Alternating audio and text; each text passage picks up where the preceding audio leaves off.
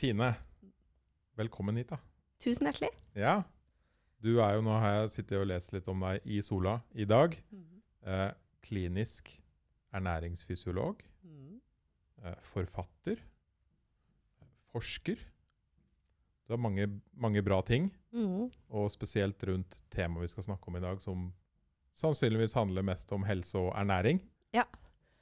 Det gjør nok det. Og det er, eh, det er jo det som har vært eh, mitt interessefelt hele veien. Det er det jeg har en doktorgrad, det er det jeg har forska på. ikke sant? Så, men eh, jeg begynte med noe helt annet, da, for å si det. Til de som ikke vet hva de skal bli. Jeg studerte juss i tre år, jeg. Mhm. For jeg skjønte jeg skulle bli. Og så begynte jeg så vidt på medisin.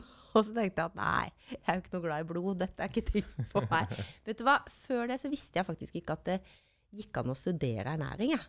Fordi at det var, altså det var de 20 plassene som var på Det medisinske fakultet i Oslo. Det, det var det. Og jeg hadde aldri hørt om det. Jeg visste jo at jeg hadde en interesse for det, men jeg hadde aldri klart å grave det fram på noen sånn derre utdanningsmesse eller noe sånt. Så det er vel noe med at jeg tror de fleste av oss opplever det at uh, livet har mange tilfeldigheter, og så blir, uh, blir jo veien til mens man går, da. Mm. Det er rart det der hvordan ja, Spesielt hvis jeg tenker på når jeg gikk på barne- og ungdomsskolen og sånn.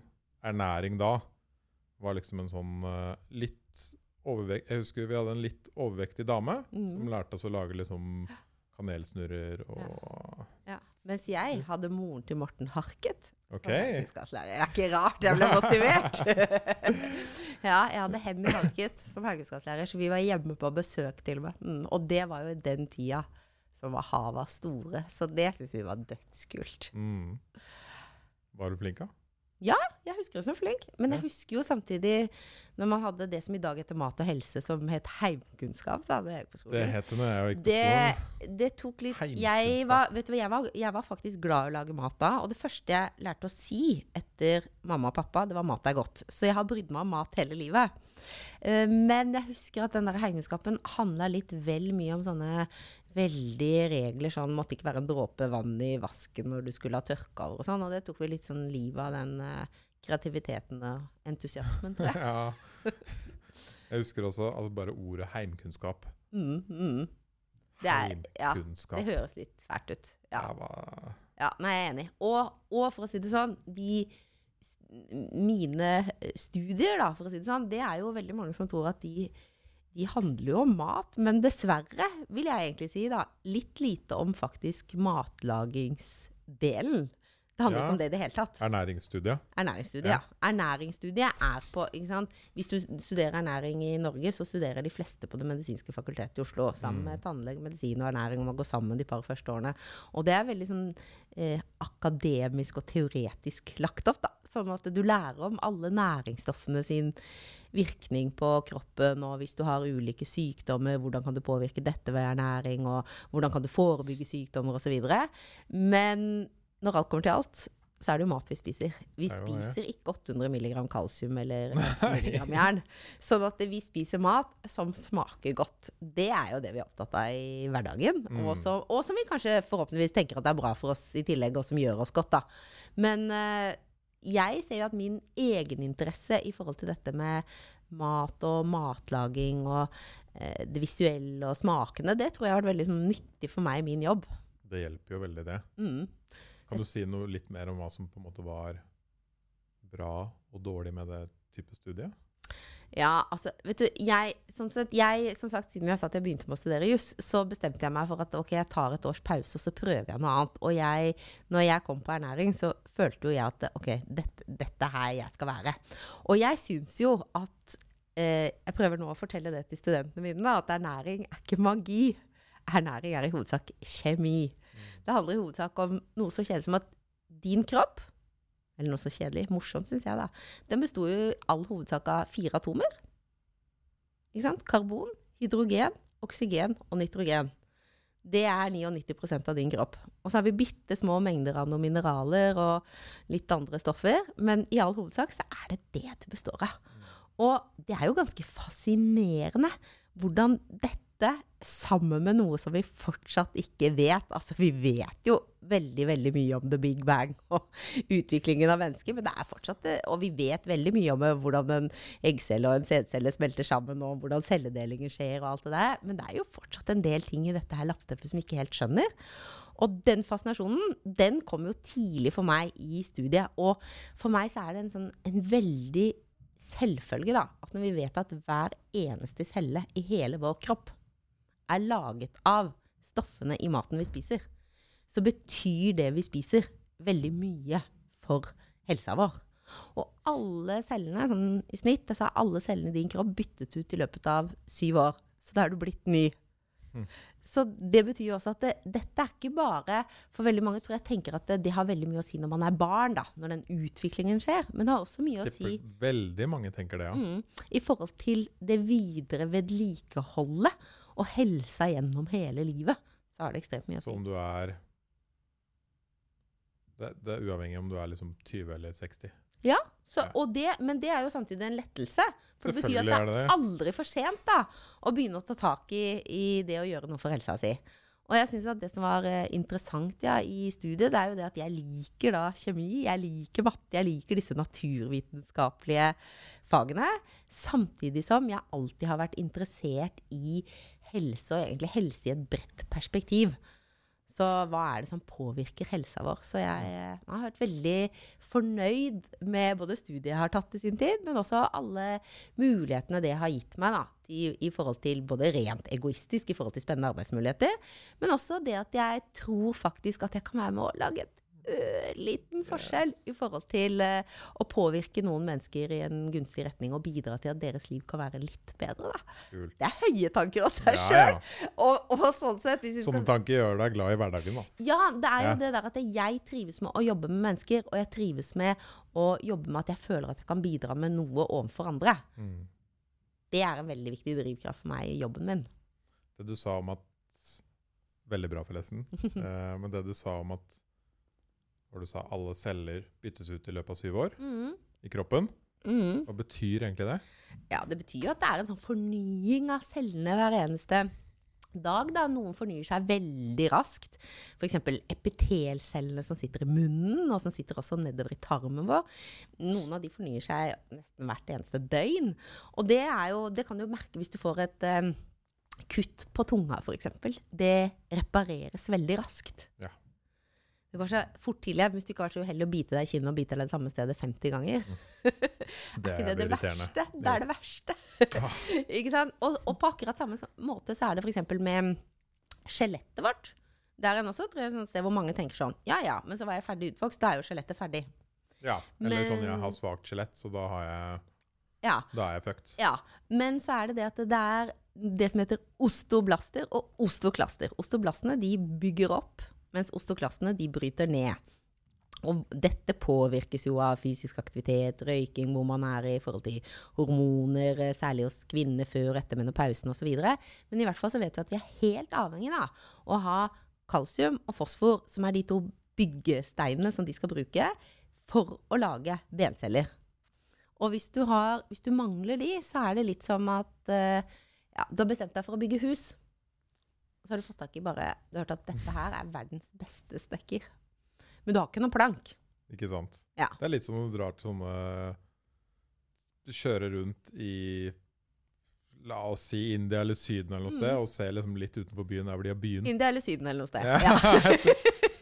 jeg, har, jeg har både vært i India og Syden og sett det der. Så, men du veit hva jeg mener. Sånn, jeg vet hva du mener. De har begynt. Og så sånne stolper stolper ja. som står opp, så er det murt litt opp, og så ser du sånn armeringsjern som stikker opp. Ja, ikke sant? Så det er litt sånn mm. Og sånn er det jo også, det vet alle sammen, at hvis man f.eks. legger mye energi i trening, da, og så opplever man at eh, resultatene står jo ikke i stil til den innsatsen jeg legger ned. Eller at du som student da, bruker masse tid på å lese, og så opplever du at resultatene står ikke i stil til den innsatsen du legger ned dette henger jo også sammen med ernæring. Altså musklene skal bygges opp, og da trengs det igjen da, proteiner for å bygge opp den muskulaturen. Og hvis du totalt sett ligger i energiunderskudd, du får altså ikke nok kalorier, så vil kroppen først bruke da proteinene som kommer inn, som energi. For det er jo tross alt viktigere at hjertet kan slå, at vi kan puste, enn å drive og bygge nye store biceps. så da er det jo ofte sånn at man må, må dypdykke litt, i ernæringa. Eller Mm. hvis vi tenker på dette med kognitiv funksjon, altså hukommelse, evne til å lære nye ting, Gjerne, ja. planlegge hjernen for at den skal fungere optimalt, så er det selvfølgelig veldig mange ting som spiller inn. Men også ernæring. Kult. Betyr så studieteknikk er viktig, men har du ikke god ernæringsstatus i bunn, så hjelper det kanskje ikke så Ikke godt. sant? Og dette med bare for å stille et Altså hvis man har levd usunt da, til man er 40 Mm, og røyka, mm, og så slutter man med alt mm, og begynner å leve sunt og Mm. spise bra og mm, trene litt sånn. Vil jeg si da, etter syv år så byttes alle cellene ut til en Ja, sånn, da er du- på null igjen. Ja, mer Eller- eller, mindre. Det er jo noen ting som du kan dra med deg, da. Fordi at dette Ja. kan jo påvirke det som det vet jeg, da snakka om på denne bra podkasten før også, epigenetikken. Ikke sant? Sånn at eh, vi mennesker er jo et resultat selvfølgelig av DNA, av arvestoffet vårt. Og av bl.a. ernæring, fysisk aktivitet, søvn osv. Men så er det noen ting som eh, påvirker hvilke gener som uttrykkes. Eh, og det påvirkes bl.a. av ernæring og fysisk aktivitet. Sånn at eh, hvilke gener som uttrykkes oftest, hvilke proteiner som lages oftest, det vil påvirkes av eh, om du har røyka eller ikke osv. Derfor så er det jo På røyking så vet du at man skal antagelig i hvert fall ha vært eh, røykfri sånn rundt ti år, så er risikoen din mer som en som har vært ikke-røyker hele sitt liv. Mm. Det er veldig fint å høre, da, for folk at liksom Mm. Og så hjelper det jo mye før det. Ja, Du reduserer jo Du får jo bedre lungekapasitet. Du ikke sant, reduserer jo risikoen din for både kreft og hjerte-karsykdom før det. Men til du liksom kommer helt til det derre virkelige gode stedet, så er det liksom i forhold til hjerte-kar, så er det sånn rundt ti år som røykfri. Mm. Forhold til lungekreft har man kanskje en bitte, bitte, bitte liten økt risiko livet igjennom hvis man har vært eh, storrøyker i mange år. Men allikevel, det Du reduserer risikoen din enormt ved å kutte ut. Altså, så jeg òg tenker det derre med at det å, å starte å ta de gode valgene, den muligheten, den har vi hele veien. Og jeg er veldig opptatt av det ordet mulighet. For jeg opplever ofte at folk føler dette som en sånn litt sånn tvangstrøye.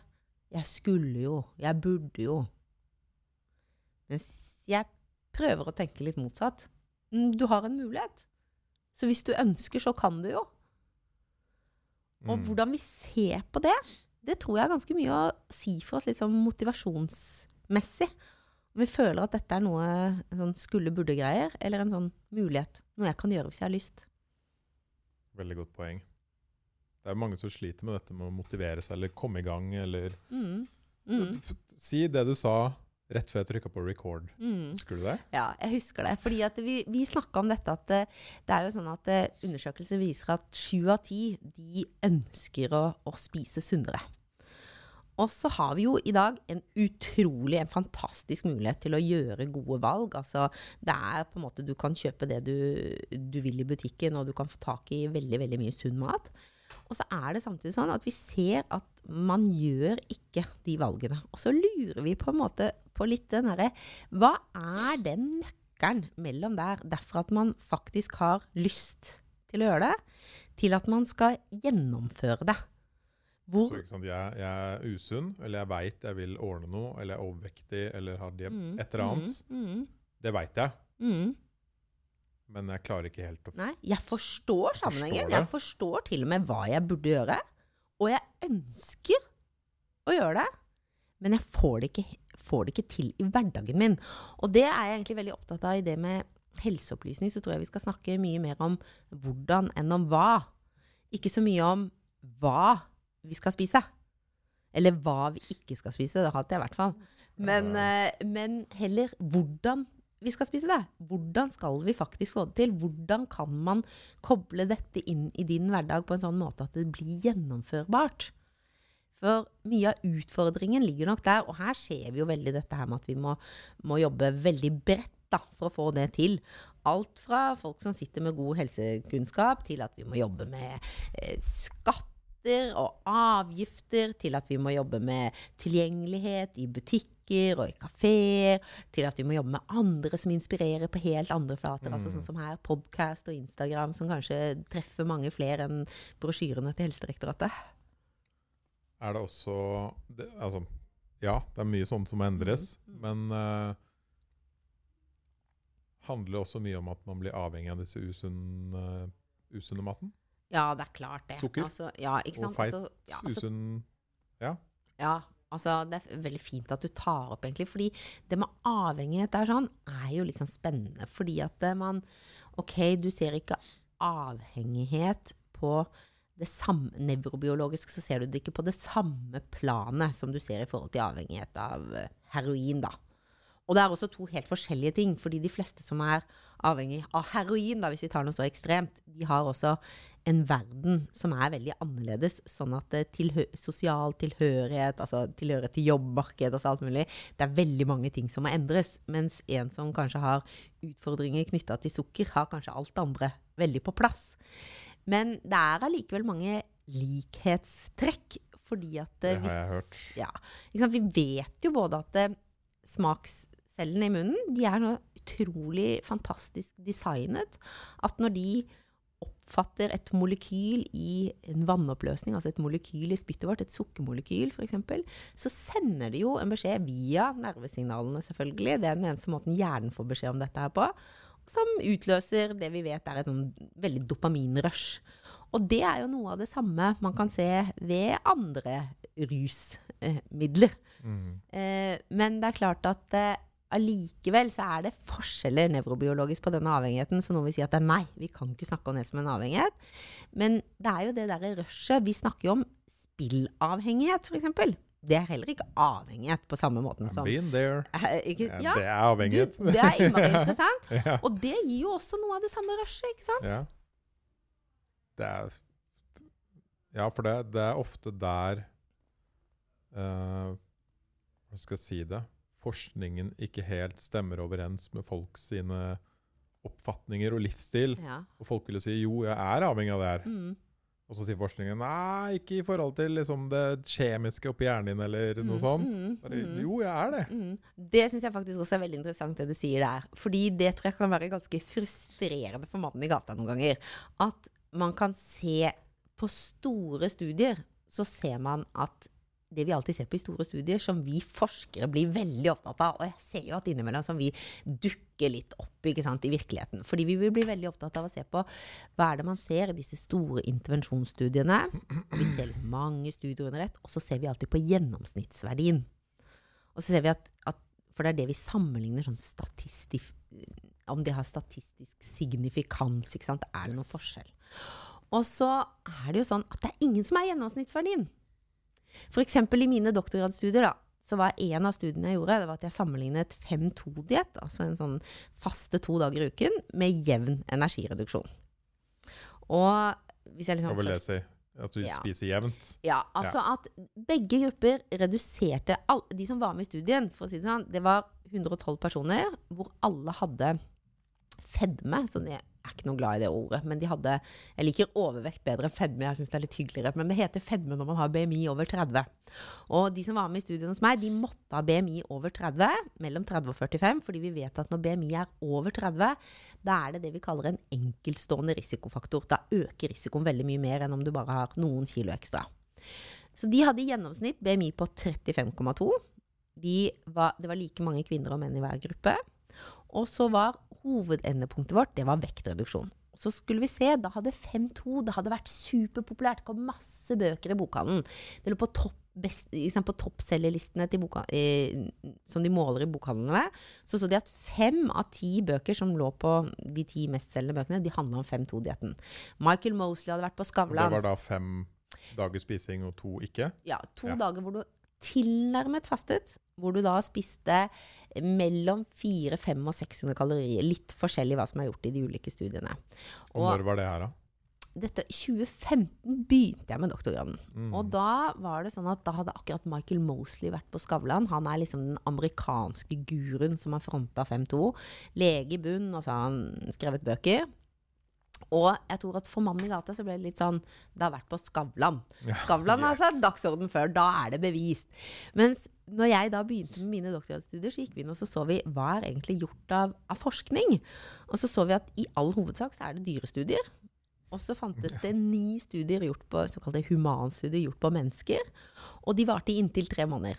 Så vi visste veldig lite om hva skjer over tid. Ja. Så det vi ville gjøre, det var da å sammenligne dette å tilnærmet faste to dager i uken, og så spise normalt de fem andre dagene i uken, med det å heller redusere kaloriinntaket litt hver dag. Begge grupper reduserte kaloriinntaket sitt med like mange kalorier, men de ene spredte det utover uka og gjorde det i løpet av sju dager, og de andre gjorde det på to dager. Og så vil vi se hvordan påvirker dette vekt, og hvordan påvirker det det vi på fint kaller kardiometabolske risikofaktorer, altså blodtrykk, kolesterol, sukkernivå, altså HbA1c, dette langtidsblodsukkeret, hvordan har blodsukkeret vært over tid, eh, triglycerider, et annet fettstoff i blodet, og også betennelsesfaktorer. Og så gikk vi inn og så gjorde vi det, og så fant vi hovedresultatet vårt, det var at det, begge deler hadde veldig god effekt, og det hadde helt lik Mm. effekt. Ja. Det ga akkurat lik effekt. Ga like stor vektreduksjon, det ga like stor bedring i blodtrykk, like stor bedring i eh, fettstoffene i blodet, like stor bedring i blodsukkerregulering osv. Men når jeg gikk inn og Jeg snakka jo med alle disse menneskene. Jeg visste jo at bak dette så lurte det seg jo noen andre ting. Altså jeg hadde liksom en som gikk opp 20 kilo. Oh. Og så hadde jeg eh, en annen som gikk ned 38. Mens snittet var en nedgang på rundt 10 kilo. Men eh, så kan du si at han som gikk opp 20 kilo, han gjorde jo ikke det pga. at han begynte på denne dietten, eller dette kostholdet, da, som jeg egentlig liker å si. Men han gjorde det fordi at det skjedde så mange andre ting i livet hans at det vi kaller compliance, eller liksom etterlevelse, ble veldig dårlig. Mm. Han, eh, han klarte da ikke etterleve. Han kjente at han brukte, brukte mat for å håndtere hverdagen sin. Og det klarte han ikke la være, selv om han hadde Tok han den god oppfølging. 5-2 Han var egentlig i den 5-2-gruppa. Ja. Eh, Undersøkte du også på en måte de, hvordan de trivdes med det? Mm. Hvem Vi- trivdes best av de gruppene? Ja, det var egentlig veldig interessant, fordi at eh, vi så at de som var på 5-2, de oppga blant Altså, jeg spurte de Vi hadde brukt en sånn visual analog scale, som det heter. Altså sånn hvor de svarte på en, en skala fra, fra 1 til 10, da. Hvor ligger du, ikke sant? Er det veldig mye, eller er det lite? Og da spurte vi annet om både det du trives, det var ganske likt, men opplevelse av sult, den var litt større på 5-2. Ja. Det er kanskje ikke så rart, fordi du husker veldig godt de der to dagene i uka hvor du reduserer inntaket ditt veldig, at det, at det er litt utfordrende, at du kjenner litt mer på sulten. Um, men allikevel, i forhold til hvorvidt de trivdes med dietten, det lå faktisk veldig jevnt. Men der igjen, da, når jeg ser bakenfor tallene, så så jeg jo et jevnt over så rapporterte mennene å trives godt bedre med 5-2 ja. enn damene. Ikke sant. Mm. Og det, vi vet jo ikke sikkert hvorfor, men jeg har jo fått med meg så mye som at du er av de som kan leve uten frokost. Yes. Yes, Det har jeg fått med meg i podkasten Og det kan ikke dama så godt. Nei, og det kan ikke jeg så godt heller. Nei. Og det, vi vet ikke helt hvorfor, men det kan hende at fra naturens side så er vi designet litt mer sånn at vi damer opplever sult som litt mer ubehagelig, fordi vi i løpet av livet vårt skal ha muligheten til å bære fram et barn. Hvor jevn Mm. energitilførsel er viktig. Det er interessant. Det er veldig interessant. Også, og jeg opplever det også hjemme i forhold til min mann. At jeg kan være sånn ah, så sulten, mens han er sånn ja ja, går fint, liksom. Vi skal ha mat om to timer. Mens jeg blir litt mer Føler meg litt mer desperat, da. Blodsukkeret er jo ikke lavt. Hvis, det syns jeg var så skuffende når jeg var student, blant annet. Så har jeg alltid tenkt, alltid kalt det der sånn som veldig mange andre sier. Å, har så lavt blodsukker, vet du. Holder nesten på få føling. Ja, ja. Ikke sant? Hvis du da, det er veldig enkelt å måle blodsukkeret. Det er jo et bitte lite stikk i fingeren, og så trenger du en dråpe med blod, og så putter du en blod, på en strips, og så putter du i blodsukkermåleren. Og så ser du at ok, blodsukkeret mitt har så vidt rikka på seg, liksom. Istedenfor at det var fem, var det kanskje 4,8. Men jeg er veldig langt noen følingssymptomer. Og så du vet, så er erfaringen at så spiser du bare en brødskive, og så sier du 'åh, det var bra'. Nå, nå, Nå, kan jeg slappe av. Fikk jeg en avokadotoast, og nå kan jeg slappe av. ikke sant? Men det har jo ikke skjedd noe med blodsukkeret ennå. fordi at når du fra å bryte ned, hvis du har et balansert godt måltid med skikkelig grovt brød og litt avokado med litt fett, ikke sant? Så, tar det jo, så tar det jo tid før det blodsukkeret stiger. Men hjernen vår, den har jo erfart at dette hjelper. Så vi slapper jo av. Nettopp. Så du lurer hjernen. Til en viss grad. Til Ja. en viss grad, ja. Eller hjernen lurer oss, jeg er ikke helt sikker på Nei. hva vi skal si. Den lurer, oss til at nå er det greit, eller at du Ja. Så, så eksempel dette med sult-metthetsregulering, som er veldig spennende, som vi ser at fortsatt er designet for at det skulle være matmangel rundt oss. Fordi rushet av å spise er så stort, mens det som holder oss igjen fra å spise for mye, er de signalene, de både nervøse og hormonelle signalene som gjør det, er, funker mye dårligere. Så vi er jo fortsatt designet for å leve i et samfunn der det var veldig lite mat, der det skulle redde oss at det å, å spise var så, så deilig. Ja. Og så nå er det mat rundt oss hele tiden. Så det som har holdt liv i oss før, er nå i ferd, med å ta livet av oss. Det er jo, er jo et lite paradoks. Det er jo det. Altså mitt, min, mitt største min, mitt største ut, Min største utfordring med mat er at jeg liker å spise altfor mye Ja. Ja. ja. når jeg spiser. Mm, mm. Men da har jo du ikke sant? Da, da sier jo du det at det, Men du har funnet en måte å, å håndtere det på. Ish. Ish. Ved på en måte å si at ok, da er det heller litt færre måltider, og så spiser jeg heller litt mer til de måltidene. Mens andre trives kanskje bedre med å spise litt mindre måltider, og spise litt oftere.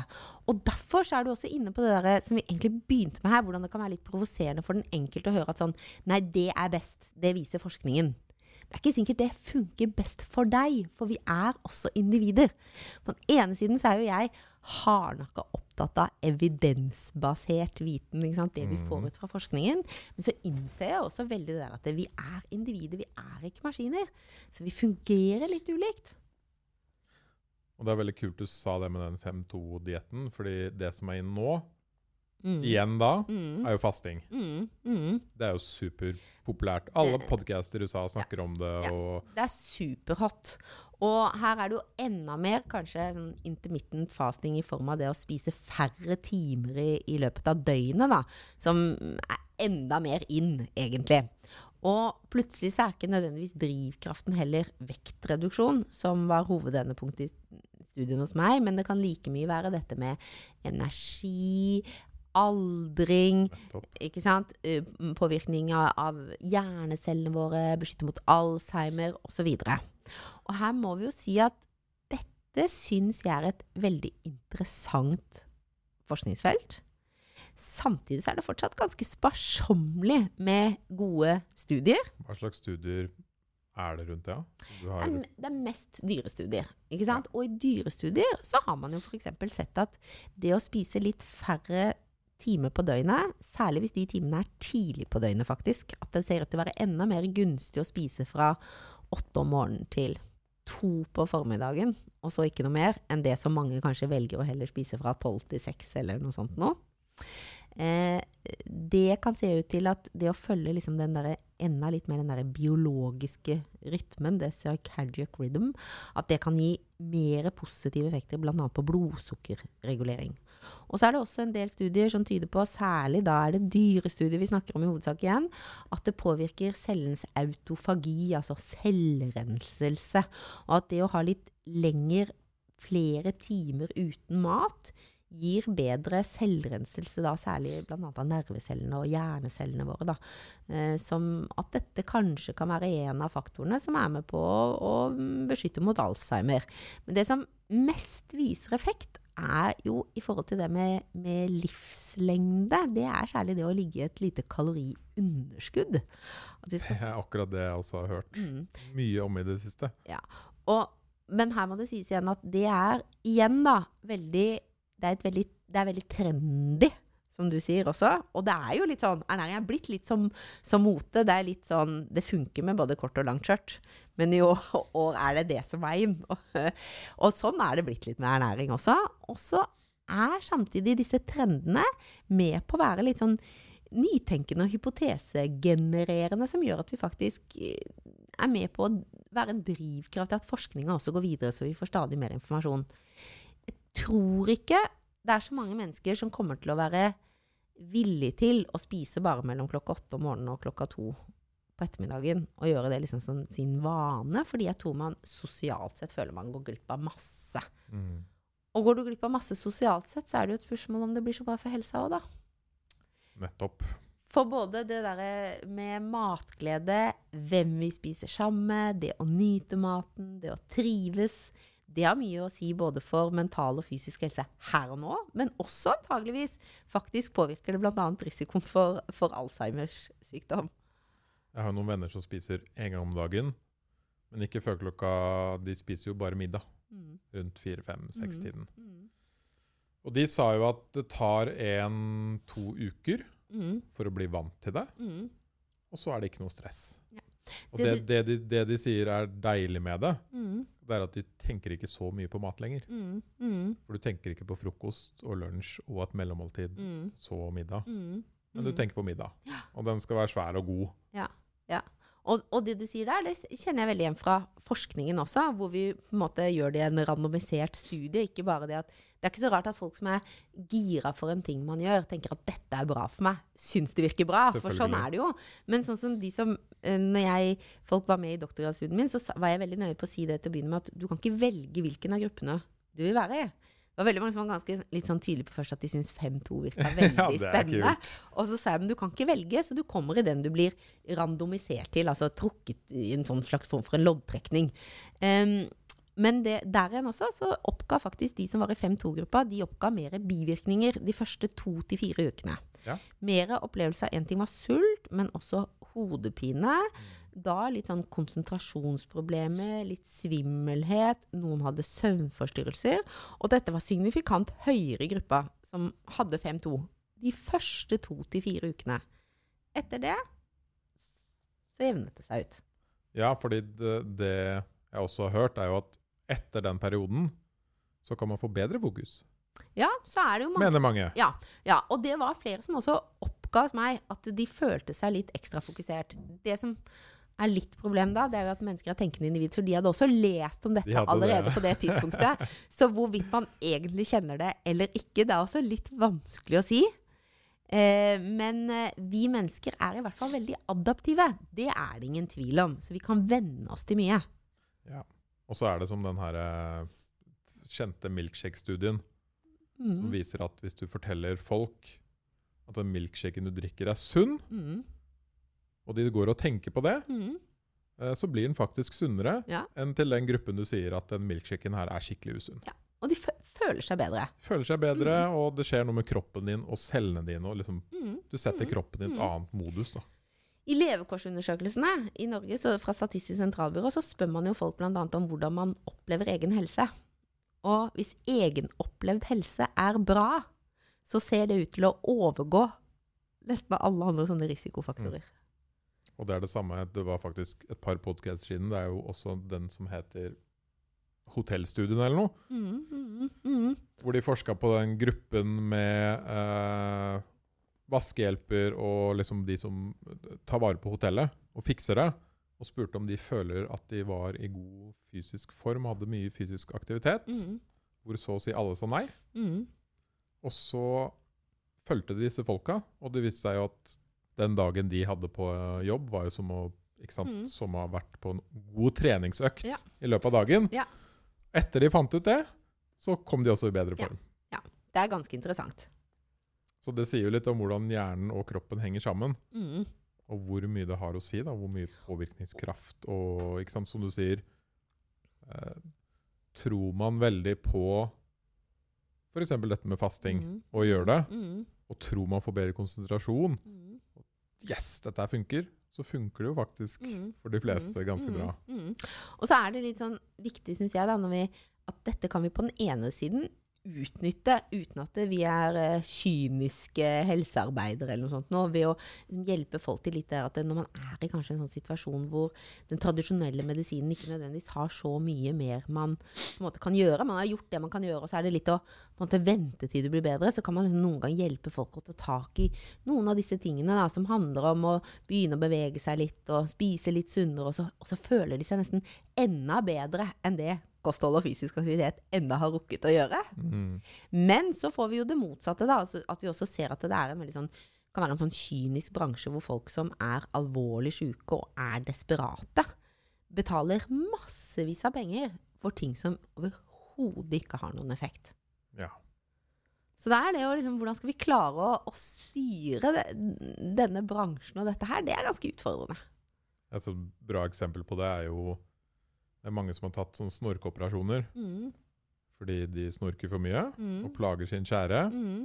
Og så viser det seg jo at å bare teipe munnen Ja, ja. Det er jo Eller at folk går og tar tarmskylling og betaler mange hundre eh, kroner, eller tusenvis av kroner for det. Ja. Og så vet vi at totalt sett så er det antageligvis negativt for helsa di. Fordi at eh, du begynner å tukle med et organ der bakteriene nettopp er eh, har en helt essensiell effekt for helsa vår og immunforsvaret vårt. Ja, det står ikke på toppen av lista mi. Nei, ikke min heller. Det virker både lite fristende, og det er særs, særs lite dokumentasjon. Og det som er av dokumentasjon, ser i tilfelle ut til å være negativt. Mm. Mm. Men det var jo kjempeinn for noen år siden. Ja. Så der ser vi det igjen, det som du begynte å ta opp, Henning, som jeg syns er så bra at du setter fokus på. Dette er hvordan trender påvirker mat vel så mye som egentlig det som er av, av forskning, da. Ja, og forskningen har jo ikke helt rett for de enkelte individene alltid. Og det der, ikke sant? Hvis du sitter og prøver å ha gjort dette her, nå har du fasta, eh, begynt å endre, og du har begynt å spise en gang om dagen isteden, og du føler at dette som du, vennene som du sier at du forteller om, og de føler at det har en kjempeeffekt, så hjelper det ikke at jeg kommer og sier sånn Ja, men forskningsstudier viser at dette har ingen effekt. Nettopp. Det blir man jo bare irritert av å høre. Mm. Men dette med kvinner og menn, da, vet man noe mer sånn forskjeller innenfor ernæring som Så kvinner lever jo med en annen syklus og Mm. annen kropp Mm. enn menn. Mm. Hva betyr det? Ja. Betyr det noe for ernæring? Ja, altså det betyr, ab absolutt. Det betyr, vi vet jo at for eksempel i forhold til behovet for næringsstoffer, så vet vi at spesielt akkurat når man er eh, gravid eller eh, når man skal ha barn, så har man et litt høyere behov for flere av vitaminene og mineralene. Men vi vet jo f.eks. en så enkel ting som at eh, behovet for jern da, er høyere hos kvinner enn hos menn. Selvfølgelig fordi kvinner taper mer jern Mm. fordi de har menstruasjon. Så de må faktisk få i seg mer jern via kostholdet. Noe som kan være ganske så utfordrende for kvinner. Fordi at det, totalt sett så spiser gjerne menn litt bitte grann mer fordi at de har litt mer muskelmasse og litt lavere fettmasse på kroppen hvis du er normalvektig som mann enn som normalvektig som kvinne. Og det betyr jo at hvis kvinner på litt mindre mengde mat skal få i seg enda mer jern, så må man virkelig tenke på hva man spiser. Og derfor er faktisk jernmangel den vanligste mangelen blant kvinner også i Norge i dag, da. For ellers er jo veldig mange av disse mangelsykdommene på mange måter utrydda. Men rundt én av ti får i seg mindre jern enn optimalt, og merker det på sånne helt ja, symptomer som sliten, uopplagt, trøtt, eh, svimmel. Ja, I verste fall kan du få kjempelav blodprosent, altså nivåer av røde blodlegemer, konsentrasjonen av det kan bli veldig lav. Og da kan det virkelig være skummelt, men eh, de fleste opplever, merker det jo før det, da. Ja. Men mange går rundt med en uoppdaga lav jernstatus, og, og det går utover også kognitiv funksjon. Så behovene er forskjellige. Det er det. Dessverre så er det sånn i dag da, at det er gjort veldig mye mer medisinsk forskning på menn enn på kvinner. Hvorfor det? Nei, hvorfor det? Altså, Tilbake i tid? Altså, Ja, både Ja. tilbake i tid, men også i nyere tid. Og det har jo vært noe med at det har vært noen av disse sykdommene, f.eks. de dødelige sykdommene, sånn som hjerte-karsykdom, som har ligget veldig høyt oppe på eh, dødsstatistikken, vært den mest dødelige sykdommen i vestlige land i veldig mange år. I dag så er det sånn at i Norge så er hjerte-kar og kreft ligger liksom likt. Det er de to hovedårsakene til dødelighet. Men vi ser jo at menn eh, får hjerte-karsykdom på et tidligere tidspunkt ofte. Og det handler igjen om hormoner, da, at vi har en viss beskyttelse bl.a. av østrogenet, fordi det bestemmer litt med hvor fettet legger seg på kroppen. Um, men her sånn, så kan du si det at uh, derfor har det kanskje blitt forska mer på menn, da, fordi de har vært mer utsatt for dette liksom, i form av den dødeligheten. Og dødelige sykdommer har tradisjonelt vært veldig status å forske på. Mer enn sykdommer som gir kanskje betydelige helseplager, men som ikke er dødelige, f.eks. benskjørhet, som rammer kvinner i mye større grad. Som igjen også bl.a. henger sammen med hormonelle forskjeller. Fordi at når, Etter overgangsalderen, når østrogennivåene går ned, så brytes benvevet raskere ned. Så da får kvinner lettere benskjørhet. Mens østrogen på den annen side er beskyttende, fordi det gjør at fettet lager seg mer på rumpe og lår. Og jeg pleier å si det at det med litt ekstra på rumpelår, det kaller jeg pynt. Ja, det er Ja. Ikke noe problem. Ikke sant? Mens når det kommer ekstra i livområdet, i, som abdominal fedme, som det heter på fint, så ser vi at det mye lettere går over i blodbanen. Da er det også en sammenheng med at man mye oftere har fett inni indre organer, fett i lever, fett faktisk i hjertemuskelen, fett i skjelettmuskulatur. Og det påvirker eh, disse her risikofakt metabolske risikofaktorene igjen. Påvirker metabolismen vår, omsetningen av næringsstoffer, mye, mye mer. Og øker risikoen for disse vanlige hjerte-karsykdom, diabetes type 2 osv. Så, så, så sånn sett så, så er det store forskjeller på kvinner og menn. Men uh, i dag så er nok uh, litt synd at det er kvinnene jeg skal si det, men kvinnehelse litt nedprioritert i forhold til det som er med, med menn. En del av disse vanlige eh, helseplagene blant kvinner. Det er jo ikke optimalt. Nei, det er jo ikke det. Nei. Nei. Og det er jo, det er jo eksempel ganske sånn Jeg kan synes at det er litt irriterende jeg, noen ganger når jeg hører sånn herre ja, 'Har du mensen nå, eller?' Ikke sant? Hvis, det, hvis man er litt dårlig form. For det er faktisk sånn at syklus påvirker litt ekstra humøret. Det er ikke bare en sånn unnskyldning for at man eh, litt lettere tar til tårene eller er litt oppfarende. Det påvirker faktisk. Det påvirker faktisk humøret. Mm. Påvirker det lysten på sukker? Den er vanskelig. Den er veldig interessant. Og der igjen så er det det at vi mennesker er så sabla vanskelig fordi vi er sånne tenkende individer òg. Så vi bruker det kanskje også litt som unnskyldning for å ha behov for. Og så vet vi ikke nok om det. For det kan jo hende igjen at det der å skulle være i den perioden hvor du er har mulighet til å, å, å, å altså har, en, en eggløsning og mulighet til å bli gravid, at da skal du liksom i hvert fall passe på å ikke ha en ernærings... At du får for lite energi, da.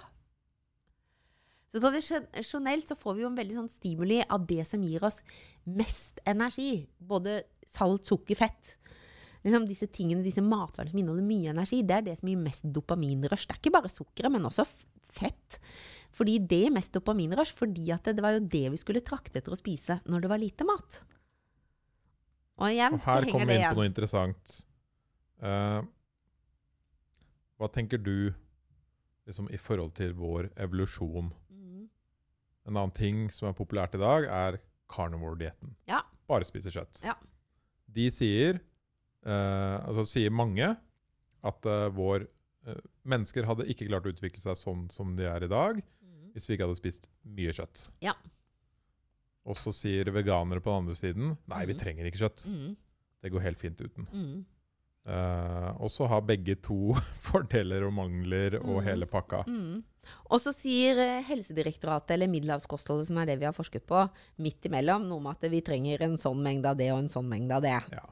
Eh, ja. ja, Hva tenker du om det i forhold til sånn evolusjonen? ja. Det er klart at evolusjonsmessig så kan du si at vi har vært vant til å spise mye større mengder kjøtt, men også fisk, da, i hvert fall. Man fanget jo fisk. Sånn at det, det er litt sånn rart for meg med carnivore-dietten, at man liksom bare tar med kjøttet. Man tar jo også litt med egg, blant annet, og det fanget man jo også, da. Men også så vet vi jo at man har brukt noe Vi vet ikke så mye om hva man spiste i steinalderen, f.eks. Vi vet faktisk skuffende lite. Men man, det Men- man sier, er man ser på liksom tenna våre Ja, og At de sånne f.eks. hadde mulighet til å tygge ting som var helt annerledes enn i dag. Men også kanskje røtter og bær og en del sånne type ting, da. Men, men samtidig så er det jo litt sånn For meg så er det jo veldig sprøtt, fordi det, det er jo ikke et forskningsstudie å si at ok, det spiste vi den gang. Hva var levealderen den gangen, da? Mm. Ikke sant? Vi rakk jo ikke å få Vi tror at gjennomsnittlig levealder var noen og 30 år. Vi rakk jo ikke å få livsstilssykdommer. Vi rakk jo ikke fått tette årer, for før det hadde vi jo dødd enten av en blodforgiftning, eller var spist opp av et dyr, eller dødd av kulde, eller av koldbrann, eller ikke sant. Sånn at det, Vi hadde jo en hel haug av farer. Sånn at det, det å sammenligne det med det vi er, der vi er i dag, hvor vi har et ønske om å holde oss friske til vi i hvert fall når gjennomsnittlig levealder på noen og 80 år, det er, det er veldig søkt. Mm. Det kan ikke sammenlignes. Og så kan du si at uh, vegetarianeren som sier at vi er ikke nødt til å spise noe animalsk opprinnelse i det hele tatt, det er jo ut fra et bærekraftperspektiv tenker jeg veldig, veldig positivt, selvfølgelig. Men det er jo sånn at vi vet at hvis man er veganer, så kan man ikke dekke behovet for alle næringsstoffene bare ved hjelp av det. Men det er i hvert fall sykt vanskelig. Ja, altså Ja. det er jo det er sykt vanskelig. Det F.eks. å få nok D-vitamin da hvis du bor i Norge, da hvor du ikke har sola til hjelp året igjennom. Ja, for dette er jo det er disse faktorene igjen som gjør det vanskelig. Fins jo riktignok sånn at du kan si at ok, sopp som har stått i sola, så du kan faktisk til og med kjøpe sjampinjong i butikken og gå hjem og sette den i sollyset, og så vil det være Det fins jo to former for D-vitamin, D3 og D2, og da finner du den ene varianten i, i sjampinjongen når den har stått i sollyset, eller sånn som jeg som pleier å plukke sopp i skogen, det er faktisk en D-vitaminkilde, er tilnærmet umulig å få. Det er liksom det og B12, er det ikke det? Som er B12 finnes kun i animalske produkter. Sånn at B12, den eneste kilden til B12, hvis du får det i deg fra et vegansk kosthold, det er at du har spist at det er bakterier i maten du spiser. Det er det eneste som kan inneholde B12. Ellers så finnes det ikke ja, B12 bakterier fra jorda. Som kan inneholde noe B12. Og, Og det er det lite av i dag, fordi grønnsakene våre sånn er så så Ja, vaska de vasker jo og skyller de. Ja. Og det vil jo ellers få med deg en god del eh, sykdomsfremkallende bakterier òg, så du vil jo gjerne ikke ta med deg alt. Og det er også jod. Altså du har tare, taremel, da, men problemet med taremel mm, det er at noe taremel inneholder veldig mye jod, mens andre typer taremel inneholder veldig lite. Og så vet man ikke det taremelet man har fått tak i, hvordan er det? Så taremel kan lett gi både en toksisk forgiftningseffekt av jod. Du får i deg for mye jod, eller du får i deg fortsatt for lite jod. Så det er veldig vanskelig. Så, så det er en del ting som er veldig vanskelig i et uh, vegansk kosthold vegansk kosthold. Ja. kalsium også. Du skal jobbe ganske godt for kalsium. Det finnes i grønne grønnsaker, ja, det finnes i mandler, men den mengden du skal spise av mandler, må være et par hundre gram for liksom å få det samme som du får en halv liter melk, da, eksempel, det vil dekke to tredjedeler av dagsbehovet ditt for energi. Så da er det ikke så veldig mye annet du kan spise den dagen. Og proteiner. Proteinet er, er lett. Protein er lett, Ja. Det er overvurdert at protein skal være så vanskelig. ikke sant? Fordi hvis du bruker belgfrukter og grove kornprodukter og nøtter i kombinasjon, så får du alle de essensielle aminosyrene. Så det tenker jeg at det er litt sånn overdrevet. Så hvis du er veganer, så må du ta Så må du ta tilskudd. tilskudd. Ja. Også, men det ville du hvis du, var, eh, hvis du går på omnivådiett også. Du må ta tilskudd da Ja. også. Du har jo ikke sjanse okay. til å få nok C-vitaminer, f.eks. Hva, ok, det var veganer, hva tenker du da om den ja, carnivore- eller omnivore-dietten? ja. Hva Altså, tenker der- du om den? Ja, for der også så har du det ene er at det vil bli veldig mye metta fett. Og det vet vi at øker kolesterolet, som igjen øker eh, risikoen for arterosklerotisk plakk, at det avleires plakk inni årene våre. Så vi har riktignok noen sånne veldig store sånne epidemiologiske studier hvor vi bare går inn og ser på observasjonsstudier, hvor man ikke har sett den samme sammenhengen mellom kolesterol og metta fett, som noen da har brukt som grunnlag for å si at nei, da kan det ikke være metta fett som er årsaken. Men når vi gjør det er, sånn, det er det at når vi gjør sånne store observasjonsstudier og bare går inn og ser på en befolkning, så er det så mange sånne konfunderende faktorer, som det heter. Det er så mange ting som kan påvirke. Så det vi regner som gullstandarden, det er disse intervensjonsstudiene hvor man har to grupper som ellers er egentlig like, og de blir veldig like når gruppen bare er store nok. Det er helt fascinerende. Og så gjør den ene gruppen noe, og den andre gruppen en annen ting. sånn at det er bare det som er forskjellen mellom gruppene. Og hvis den ene da spiser mye metafett og den andre lite, så ser vi det påvirker kolesterol og risikoen for hjerte-karsykdom. Og det er en av problemene da med carnivore. Og et annet problem er Så det, det veit vi. Det vet vi. Ja. Og et Og annet det er pga. rødt kjøtt og Ja, fett. det er fett i rødt kjøtt. Da. Så hvis du kjøtt. spiste bare det magre røde kjøttet, da, så ville det vært noe annet. da. For da får du jo lite fett, og da blir det også Mm. lite mett av fett. Men du vil jo få veldig lite av disse sunne fettsyrene, disse omega-3-fettsyrene som vi finner i, i fisk, og som vi finner i forløpere i noen planteoljer. som er gunstig for hjernen og hjertet osv. Beklager. Mm, og så kan du si at eh, i tillegg til det så ville det vært litt C- C-vitamin. finnes bare, mens, mens B12 bare finnes i animalske produkter, så finnes C-vitamin bare i vegetabilske produkter. Ok. Det er i grønnsaker og frukt og bær. Så hvis du ikke spiser grønnsaker, og frukt og bær, så får du ikke C-vitamin. Forlat hovedkilden grønnsaker, frukt og bær. Forlat er det som man Det er annet viktig for celledelingen i kroppen, og det er det mange har hørt om at de må ta tilskudd av folsyre eller folat. Her, det, det er det samme når man er gravid, fordi da er det ekstra viktig for lukkingen av dette her nevralrøret, og da er det at cellene skal dele seg, sånn at man ikke får ryggmargsbrokk. Så da har mange hørt om det. Men det vil du også måtte ta tilskudd av hvis du valgte en sånn kjøttdiett, en carnivore-diett. Så det er mange ting som Og hvis du ikke får med deg fisken, så vil du ikke få D-vitamin der heller. Så, så det med sånne ekstremvarianter på dietter, det ser ikke ut til å være det mest gunstige for helsa. Nei. Det virker derimot som at det er gunstig over en kort periode for noen mennesker. Mm. Ikke sant? Mm. Og det er jo ganske interessant, og der kommer kanskje igjen det der at hvis du, hvis du tror på det, så er det kanskje ganske gunstig. Også hvis du har en utfordring Jeg har f.eks. hatt en del pasienter som har mye sånn fordøyelsesplager. Det Ja. som vi, ender i den her samlesekken irritabel tarm.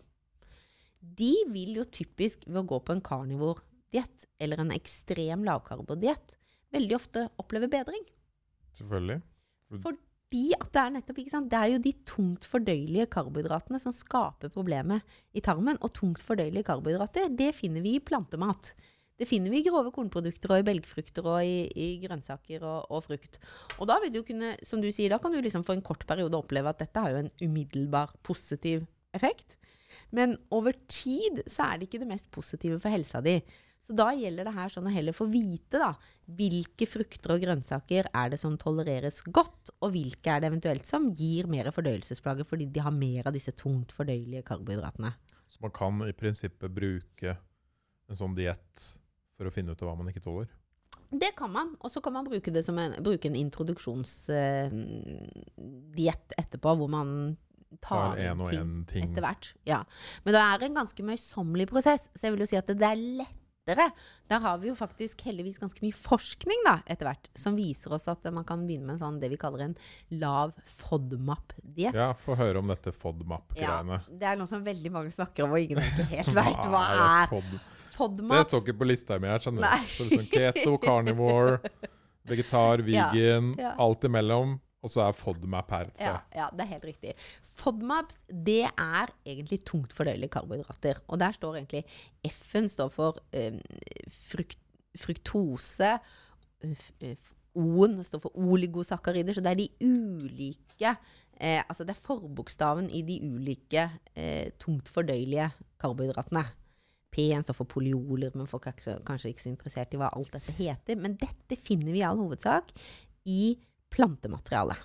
Og der er det sånn at noen ting inneholder mye tungt fordøyelige karbohydrater, andre ting inneholder lite. Eksempel ser vi at eple gir, har mye FODMAPs. Det vil da stå på, Der er det lagd sånne røde og grønne lister i forhold til hva tåles godt og ikke. Eple vil stå på den røde lista fordi det er en frukt som inneholder mye fruktose i forhold til glukose. Og hvis man ikke har en god absorpsjon Fruktose det tas opp ved det som vi kaller passiv diffusjon. Det følger glukosen i tarmen. Og da er det lett at det blir værende igjen en del fruktose i tarmen hvis det ikke er like mye glukose. Og da går det ned til bakteriene i tykktarmen. Og så fordøyes det eller brytes ned av bakteriene i tykktarmen. Og da avgis det samtidig en del gass. Først og fremst hydrogen- og metangass. Og det er da med på å gjøre at opplevelsen til personen er at 'å, jeg blir så oppblåst i Mm. magen', får så mye luft i magen. I tillegg til det så kan det gi sånn vekslende enten diaré og eller forstoppelse. Fordi det enten da kan føle til at det også blir mer flere partikler i tarmen, da trekkes det væske inn i tarmen, og da får du diaré. Eller at det på en måte skaper en slags propp i tarmen, og så blir det til en obstipasjon, for å si det litt for enkelt. En forstoppelse. Ja, fine ordet for forstoppelse. Sånn at det, da skal man redusere på de tingene som har mye FODMAPs. Og klassiske ting, det kjenner jo folk igjen. Det har man jo kjent på magen sin i 100 år uten at man hadde, noensinne hadde hørt om FODMAPs. De fleste har kjent at løk, f.eks., hvis jeg spiser mye løk, så er det mange som har kjent at da kan jeg få litt få litt luft i magen og bli litt oppblåst. Dette er klassiske FODMAP-ting som man ikke Ja, burde spise hvis man sliter med magen. Men nå vet vi plutselig at grunnen til at det skjer, er at det inneholder mye FODMAPs. Ja. Men det som er da, hvis du skal ha en såkalt lav FODMAP-diett, det er ment for de som har veldig mye fordøyelsesplager, som ikke bare opplever at de blir oppblåst i magen en gang. Altså, alle sammen gjør vi det av og til, og det Mm. kan like godt henge sammen med stress eller endret døgnrytme, eller du har vært på reise eller sånne ting. Da kan jeg typisk kjenne det på magen. Det blir sånn rar i magen. Men det går ikke utover min livskvalitet. Mens hvis du har oppblåsthet, magesmerter, vekslende diaré og forstoppelse, og kanskje må veldig mange ganger på do uten at du føler du får tømt deg, og du har det mange ganger i måneden, så mye at det går utover livskvaliteten Ja, din. Da mye plager med magen. Mye plager med magen. Ja. Da kan dette være interessant. Er det aktuelt å vanskelig, prøve. Ja. Det er Hvilke ganske andre ting er klassikere på Jeg skal er- søke opp en sted. Ja, det er mange ting. Du får sånne lange lister. og Det er noe som heter Monash University i Australia, som har vært forløperne til forskningen her. For eksempel så ser du at veldig mange av de vanlige kornproduktene de er plager, mens havre tåles generelt godt. Du ser at mange typer frukt gir plager, både epler og pærer. Um, også sånn som um, ja, nektarin, sånn som fersken, mange av disse tingene. Mens man tåler godt appelsin og noen typer melon og mango. Liksom. Sånn du må, men du må vite akkurat hva det er du tåler og ikke tåler. Men det har vi nå fått hjelp til, for nå har man forsket på hvor er det nettopp disse FODMAP-ene er. Her fins jo en egen app også fra Monash University, som du kan liksom bruke når du er ute og handler. Det man ser, da er at hvis man lager mat fra bunn, så kan det gå ganske greit. Hvis du lager all maten fra bunnen. Men det er veldig mange produkter, og da tenker jeg ikke bare at du kjøper sånne ferdige mm, poser og frossenretter, men også pålegg, eksempel, da. Hvor det er litt løk og hvitløk. Som er sånne standarder på verstinger som gir mageplager. Ja. Så det er ganske krevende. Og i tillegg er prosessert mat ja, ja, en så det er versting. ganske krevende Jeg ser jo diet. her liksom uh, frukt man ikke skal spise. Oi. Og laktose, melk, ost, Ja, men, mens ost Ja, så det er veldig mange sunne løk. matvarer som du må kutte ut. Veldig mange av belgfruktene. Ja. Løken, hvitløken, brokkolien. Ikke sant? bønner, ikke sant? Så veldig mange ellers sunne matvarer som er gunstige for helsa vår, kikerter. Ja, Mm. inneholder mye FODMAPs. Og så kan du spise tofu og ja. Også, brød og ja, Riktig brød. Ik ja. Ik ja, Ikke, du 100% speltbrød. Speltbrød tåler de fleste. Mens, men det er ikke alle som tåler speltbrød engang. Og havregryn tåles også i, en, i hvert fall i en begrenset mengde. Sånn at i hvert fall en sånn 25-30 gram i et måltid, sånn at du kan på en måte lage en havregrøt. Det går greit. Så, så det er ganske mange tilpasninger å gjøre. Men middagen er ikke så vanskelig. Fordi det er lite FODMAPs når det kommer til rent kjøtt, fisk, fugl. Derfor igjen det vi egentlig startet fra, at carnivore ja. hjelper for noen. Poteter funker fint. ja. Så kjøtt, fisk, fugl, poteter og flere typer grønnsaker fungerer fint. Du må bare vite hvilke. Gulrøtter går fint. Liksom veldig mange tomat, salat, veldig mange vanlige grønnsaker går ja. fint. Og i den moderne verden vi lever i nå, så kan du sikkert laste ned sånn FODMAP 30 Days Guide ja, ja, som bare ja, ja, og du får en app som du kan eh, reise med alt det der. Men det her fungerer ganske godt. Det de fleste sier til meg, er at jeg klarer det veldig fint når jeg er hjemme. Og så hvis jeg skal på reise eller skal på besøk, så syns jeg det er veldig vanskelig. Hvor mange Ok, Hvis man hiver seg inn i en FODMAP, hvor lenge burde man gjøre det? Ja, eh, vi sier at det, man bør holde på i fire til åtte uker. Og hvis du da ikke kjenner en betydelig effekt, så kan du regne med at det ikke har noe med dette å gjøre. Og så når du holdt på Med, fire med mat, eller? ja, med den strenge dietten hvor du unngår da disse FODMAPsene, spiser bare det som har lite FODMAPs. Eh, så når du har gjort det i da en seks, rundt om seks uker eller sånn, og kjent på god bedring, så skal man begynne med en reintroduksjon. Og det er litt det samme som du sa i stad, at man kan man bruke carnivore-dietten som Da skal du ta inn for f.eks. noen reagerer på laktose, men ikke alle. Hvis du har nok laktase i tarmen, det enzymet som bryter ned laktose, så tåler du laktosen. Mens no, hos noen så er det en FODMAP fordi man ikke kan bryte den ned. Så går det ufordøyd, da går det ned til bakteriene i tykktarmen igjen, og så brytes det ned av de. Og så dannes det Mm. gass. Det er det folk som har laktoseintoleranse kjenner Ja. også, da. Sånn at eh, da skal man prøve seg på reintroduksjonen og finne ut hva er det jeg tåler og ikke tåler. Men det er en møysommelig prosess, fordi da må man ta inn én matvare, og så må man prøve den en stund. Og så må man se om liksom, ok, hvis dette funker, så kan man ta en ny en. Du kan ikke prøve tre stykker på en gang, for da vet du ikke hva det var. Dette er ganske vanskelig, fordi jeg har også venner og bekjente som bare er ekstremt sunne. Mm, mm. Men de har mye dårlig mage. Mm, mm.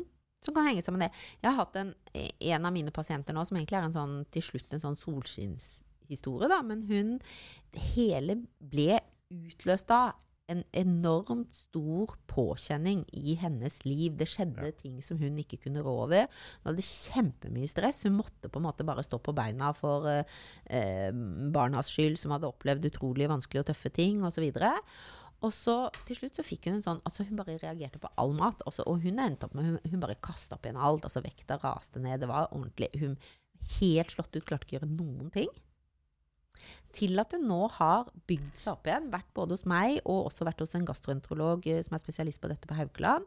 Og, og fått veiledning nå hele veien, og nå fungerer bedre og bedre. Fortsatt sykemeldt fra jobb, men er tilbake igjen og går fem-seks kilometer på ski har hun gjort nå hver dag i det siste. ikke sant? Klarer å, å ta tak i ting. Hun har, har levd veldig strengt etter en sånn lav FODMAP-diett og kjenner det veldig fort. Men nå driver vi og prøver å introdusere flere ting. Så der igjen da, så ser vi det at hode og kropp henger sammen. At her var det nok et ekstremt stress som var den utløsende faktoren. Og så påvirker det også altså tarmens funksjon. Ja, for det er jo Oppi alt det her så kan du jo spise så sunt du vil. Men hvis du lever med mye stress, Mm. igjen, sånn Mm. som den Mm. milkshake-studien Mm. Så, så vil uansett det ikke være bra for helsa igjen. mm. Og Derfor så er det jo så viktig også at dette med kosten igjen, da, hvis vi er litt tilbake igjen der at vi begynner med at det, det er en mulighet, og at det, dårlig samvittighet det har aldri gitt noen bedre helse. Så det er selvfølgelig kjempefint å gå inn og, og tenke på å gjøre noen vurderinger av kan jeg endre noe i livsstilen min for å, for å få bedre helse, mer overskudd, eh, mindre helseplager osv. Men hvis du blir gående rundt med å plage deg sjøl med veldig mye dårlig samvittighet, det gir jo bare dårligere helse. Så Og det kan du fort gjøre i sånne ekstreme dietter. Kan veldig lett gjøre det, for det blir veldig lett kobla til at du føler at du ikke får det til. Og derfor er det jo så viktig akkurat dette med som vi begynte med også det med motivasjon, å sette seg realistiske mål som er Det skal være litt å strekke seg etter, men det må også være veldig sannsynlig at du klarer det gjennom dette å sette seg såkalte sånne smarte mål. At det skal være spesifikt og målbart, og så skal det være an fra, egentlig fra engelsk med achievable, eller altså noe som er oppnåelig eller akseptabelt, kan vi kanskje si på norsk. Så det er sannsynlig at du vil få det til det er så viktig at det også eh, at du, også R-en er realistisk, og T-en er tidsbegrenset da, i disse smarte målene. Og det er liksom noe med at du setter sånne mål som er sannsynlig at du får til. fordi hvis du kjenner at 'Å ja, jeg, jeg klarer jo en del av dette her', da opplever du at du får motivasjonspåfyll. Hvis du kjenner at det, 'Nei, dette her får jeg jo ikke til', ja, så opplever vi jo det motsatte. At eh, motivasjonen bare daler med en gang. Mm. Men hva er det man egentlig skal spise? Ja, hva er det man egentlig skal spise? Hva faen skal man egentlig spise? Ja, men hva, Særlig når du sier sånn Hva F skal man egentlig spise? Altså, det er sånn, så tenker jeg for det første at det, er eh, Da er vi litt tilbake til det der kjedelige. Og veldig mange sier til meg at åh, jeg syns Helsedirektoratet sine kostholdsråd det er så usexy. Men vi skal huske på at Helsedirektoratet da, Det er har ikke like kult vet, du, som å høre på disse det, sinnssykt kule podkasterne Ja. og Ja. Helsefreaksa i USA som bare som er helt, Helt rå på, på å liksom fortelle om de mest euforiske opplevelsene etter Ja, ja. at eh, de begynte på dette kostholdet. spiser en yoghurt og en biff hver dag, og så er du ja, ja, så svever du. Ikke sant? Så jeg skjønner jo veldig godt at eh, den derre payoffen som man da forteller om, den er ganske mye mer fristende å gå til. Men samtidig så skal vi huske på da at Verdens helseorganisasjon i bunnen, og Helsedirektoratet, som er på en måte eh, deres så i Norge. De har så kjipe navn, vet du. Bare å kalle noe direktorat er jo så stusslig. Det er ikke de du har lyst til å få Jeg Nei. føler at det er sånn uh, gamle damer og menn i dress Ja. og Ja. som sitter rundt et sånt kaffebord og spiser vafler og prøver å finne ut av hva vi skal spise. Men heldigvis da, så er det faktisk sånn at det er også mange kompetente forskere der. Og de får hjelp av kompetente forskere. Sånn at det man kommer ut med av råd, det er veldig sånn vitenskapelig basert. Og dette her med å spise mer plantebasert, det er alle enige om. Spis mer frukt og grønnsaker og, og bær og osv. Men jeg tenker sånn, hvis vi litt drar det ut derfra, og så tenker vi hvis vi tar alle disse diettene som vi kunne snakka om, enten det er lavkarbo, eller det er carnivore, kjøttdietten, eller det er vegansk diett, eller hva det er, hva er alle enige om? Fins det noen noensinne som har vært ute og sagt du bør spise mer sukker? Nei. Nei. Så alle er enige om ok, reduser på inntak av sukker. Ja. Jeg har aldri hørt noen som heller er ute og sier spis mer sikta hvetemel og, og hvit ris, mer sånne bare rent stivelsesprodukter. Så det er også alle enige om. Så velg i hvert fall grove framfor fine. Så kan det kanskje være litt uenighet i forhold til lavkarbo eller lavfett hvor stor mengden skal være, men alle er enige om velg, velg heller fullkorn. Så det, har jeg heller aldri hørt noen som sier at det, det å spise grønnsaker er ikke bra for helsa.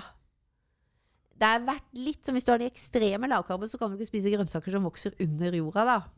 I like stor mengde, for de er litt mer stivelse. Gulroten og kålrabien. Men altså, jeg tror ikke det er noen i Norges land som tror at grunnen til at Ola Nordmann har lagt på seg, er fordi han spiser mye kålrabi. Så der også, spis mer grønnsaker. Spis mer bær. Der er det også, selv på de ekstreme lavkarbonene, så er det plass til litt bær. Bær, er ikke det også noe av det mest sprøyta du kan kjøpe i butikken? Jo, så hvis du tenker det Jo, det er faktisk du helt sant. Men vet du hva, jeg er jo så old school at jeg plukker veldig masse bær. Ja, ja. Sånn at det som du plukker i skogen, det er fullt økologisk, og du får trim på turen. Så det er nydelig. Men det er ikke så mange som gjør det. Det er ikke så mange. Jeg er der ganske alene. Vi har to frysere vi på 450 liter Ja. fordi at vi skal hamstre så mye sopp og, og bær. Men eh, sånn sett så er det sant det at det, sånn som eh, jordbær som du får midtvinters, de er ofte ganske sprøyta. Men det er fortsatt sånn, da. Det er viktig å si også, syns jeg, at Selvfølgelig dette med sprøytestoffer, det bør vi være opptatt av. Det er viktig å forske på. Det er viktig at cocktaileffekten har vi ikke full informasjon om. Men alle studier tyder på at det å spise frukt og grønnsaker, selv også i, når det er sprøyta, men innenfor de verdiene som er lovlige, så det, er helsegevinsten mye viktigere enn okay. helsefaren. Og det er alt vi får kjøpt i Norge? Det er ganske strengt regulert, ganske ikke sant? strengt regulert. Mattilsynet tar masse stikkprøver. Det hender jo at de finner noen som på en måte ligger over på en eller annen stoff, og da tas det ut. Ellers så er det strengt og godt regulert. Vi har høy grad av mattrygghet i Mm. Norge. Så hvis alle bare begynte med disse tingene Spis mindre sukker, spis mindre sikta hvetemel, spis mer grønnsaker, og spis mer bær, da. Ja, men dette med prosessert mat, da? Ja, det er jo heller ja, det er heller ingen som sier til deg at du bør spise masse prosessert mat. Det har jeg heller aldri hørt noen som sier. Der kan man likevel si at det, det er en, et viktig forskjell det der å skille mellom det ultraprosesserte og det prosesserte. Fordi f.eks. brød, et skikkelig grovt dansk rugbrød, er faktisk prosessert. Det er tillagd. Men det er fortsatt veldig sunt. Mens den ultraprosesserte hamburgerbrødet, der finner du ikke noe som er fornuftig. Hva med sånn ok, hamburgerbrød der? Men hva med sånn Jeg har en kompis som jobba i sånn brødbakeri for de store Mhm. butikkene i Norge. Mm, mm. Og han sa etter det så har jeg ikke spist butikkbrød igjen. Fordi det, han sa at du la bare en sånn liten klump på et brett, og så hadde de 1000 sånne, og så kom det bare ut store brød Ja. etter fem minutter. Ja, og for all del, noe av dette, noe av, noe av dette er jo naturlig, da. Det er jo sånn at Ja, eh, CO2 bygger seg opp når du har gjær, og så har du den som lager nettverk, men ikke så mye, sånn. Men, men noen, ting, noen av de er jo brakt også med veldig mye sikta hvetemel. Som vi var enige om at det er ingen som anbefaler mer av. Så jeg ville i hvert fall sagt at jeg ville ikke si at det å kjøpe et grovt brød i butikken, men når du følger den brødskalaen, noe som er fire skravert på brødskalaen, da får du et sunt produkt. Og her sånn så er det også et det er kjempeviktig for helsa vår at næringsmiddelindustrien de tror jo ikke at det er noen god idé å drepe kunden sin. Absolutt ikke. Så de har faktisk et mål, selv om målet deres for all del er å, å selge mye og tjene mye penger, så har de også et mål om å tilby oss produkter som, som gjør at forbrukeren er fornøyd. Og forbrukeren sier jo sju av ti sier jo at de vil spise sunt. Ja. Men jeg er ikke helt enig i at de gjør det i dag. nei, de gjør både òg. Ja, Det de er er jo sunne produkter, altså Det er det. absolutt, som Det lages av næringsmiddelindustrien. Men det er en hel haug av ting som også er på den siden Men jeg vil, ikke, hvor jeg, jeg vil ikke si at de sunne produktene er de som er i fokus i en matbutikk i dag. Nei, og der, der kommer du til, til detalj også til, til matvarebransjen, da, som har Hvor jeg tenker at de har en kjempeviktig oppgave. Og de har også et kjempepotensial. Fordi de fleste, der tror jeg mye av det ligger det vi starta med å snakke om, hva er det som, som er mellom det at ønsket om å spise sunt, og det å faktisk få det til. At når du kommer i butikken, så er vi ofte ganske lite veloverveide i våre valg. Vi er litt slitne, vi har jobba Tar det som litt sulten. Og det du sa, vi har lavt blodsukker. Mm, mm. Og man tar det som frister mest, og hjernen forteller deg 'spis sukker og fett'. Hva er det første du ser i butikk? Det er ofte taco. Og hva er det Mm. siste du ser når du går ut? Det er alt sukker. Mm. Så, så det er, der er det fortsatt stort forbedringspotensial. Når det skal sies, så syns jeg jo faktisk at det er sånn at det, det er veldig mange butikker nå hvor det første som møter deg, faktisk er frukt og det. Og det har økt salget av frukt og grønnsaker i Norge. Mm. Det vet vi. Der spesielt Norgesgruppen i hvert fall har, har gjort oppsummeringer på dette og vet at tallene har vist at jo, det har det gjort. Sånn at eh, Det er veldig kult, for det viser jo at de kan påvirke en nordmenn til å bli Det er superkult. Og det er jo en av grunnene til at jeg også sitter jo i glasshus som har jobba med Kiwi en del. da. Men det er klart at det valget har jeg også tatt først. Så tenkte jeg nei, dette kan jeg ikke. Jeg kan ikke samarbeide med en sånn kommersiell aktør som dette. Men så har jeg jo innsett at vet du hva, det at de legger til rette for å gjøre sunne valg, betyr mye mer enn at jeg står og skravler om hva som er sunt og driver sånn, sånn grønnsaksmisjonær. For når folk er i butikken, så er det det første man tar som har mye å si. Der vi derimot har kommet kjempedårlig ut, det er i forhold til det at vi skal øke fiskeinntaket. Det har vi ikke fått til. Det har ikke, og der har man jo denne intensjonsavtalen med Helsedirektoratet, kjedelige navnet, og, og industrien igjen. Og de har hatt det som fokus, men har ikke klart det. Nå har det riktignok vært korona i et par år Ja. som eh, har påvirka litt kommunikasjon fra alle disse partene, men nei, vi har mye igjen å hente. Og jeg er helt enig. Matvareindustrien og detaljhandelen, altså dagligvarehandelen, masse å gå på i forhold til å hjelpe oss å, å tilby oss de sunneste produktene og gjøre de mest tilgjengelige. Men allikevel så, så ser jeg at det er på en måte en, et økende fokus på det allikevel. Og jeg tror ikke målet til alle matvareprodusenter er å lure forbrukeren. Nei. Det Men det er å tjene penger. At det er å tjene penger, det er det ikke tvil om. Ikke sant? Så derfor må vi som forbrukere stille store krav. Vise at det, det er dette jeg vil ha. Jeg er, mm, vil ha et så grovt brød, det er det jeg er ute etter, som er bra. Og da vil du produsere mer av det. Men, men Mm. gjensidig påvirkning der. Akkurat som jeg setter en forventning til at bare gi oss, mange, bare gi oss masse grove brød, da. Bare ta bort de andre. Da var har du ikke bort. noe å velge, da. Nei. Da blir det veldig mye lettere. Men fattern er glad i kneipet. Fatter'n er glad i kneipet. Ja. Og så er vi glad i billig, da. Og det er veldig mye sånn billig Det er jo et veldig stort problem. Mm, Ja. Ja. Og, og noen er glad i billig bare fordi de syns det er så utrolig digg å kjøpe billig. Og andre har dessverre sånn økonomi at de er nødt til å gå for den billigste varianten. Mm. Det jeg har merka f.eks. med brød Hvis jeg kjøper det billigbrødet, så kaster jeg oftere større deler av det, Mm. og det varer mye mindre. Ja, jeg er helt enig. Men hvis man kjøper sånn ordentlig Ja. grovt, skikkelig sånn som veier to kilo, liksom, Ja. det varer liksom i to uker. Ja. Så bare har Ja, ja, ja. Og, du, og det er også vi, får, vi behandler det på en annen måte òg, vet du. Fordi at da er vi mer opptatt av kanskje at vi liksom fryser ned litt i skiver. For å være sikker, fordi dette, dette kosta jo mye, dette brødet. Så da behandler vi det med litt mer kjærlighet også. Og brød, når du sier det, apropos matsvinn, brød er det det kastes mest av. Ja, brød er helt vilt. Det er helt vilt. Ja. Sånn at, eh, så sånn sett så er det Brød er ikke brød. Men hvis vi tar det nå, da. Det er ingen som sier at vi skal spise mer prosessert. Alle er enige om at det er gunstig å lage mye mat fra bunn og bruke mer rene rå, råvarer. Men ikke, vi må likevel skille mellom Det er ikke blitt usunt selv om du kjøper en pose med frosne grønnsaker i frysedisken. Fordi frysing er en god konserveringsmetode. Den er jo raskt varmet opp, og så er den frosset ned. Og det er jo en bearbeiding, så det er jo prosessert mat. Men det er ikke ultraprosessert, og det er fortsatt bra for helsa vår. Si noen typiske ultraprosesserte Ja, matretter. da. Ultraprosesserte matretter er jo mer sånne ja, pølser Skinke. eh, flere Skal du si at noen typer skinke er ganske renfilet, men salamen, da, hvis vi drar den enda hakket videre, der hvor du liksom stappa inn litt fett og litt sånn også?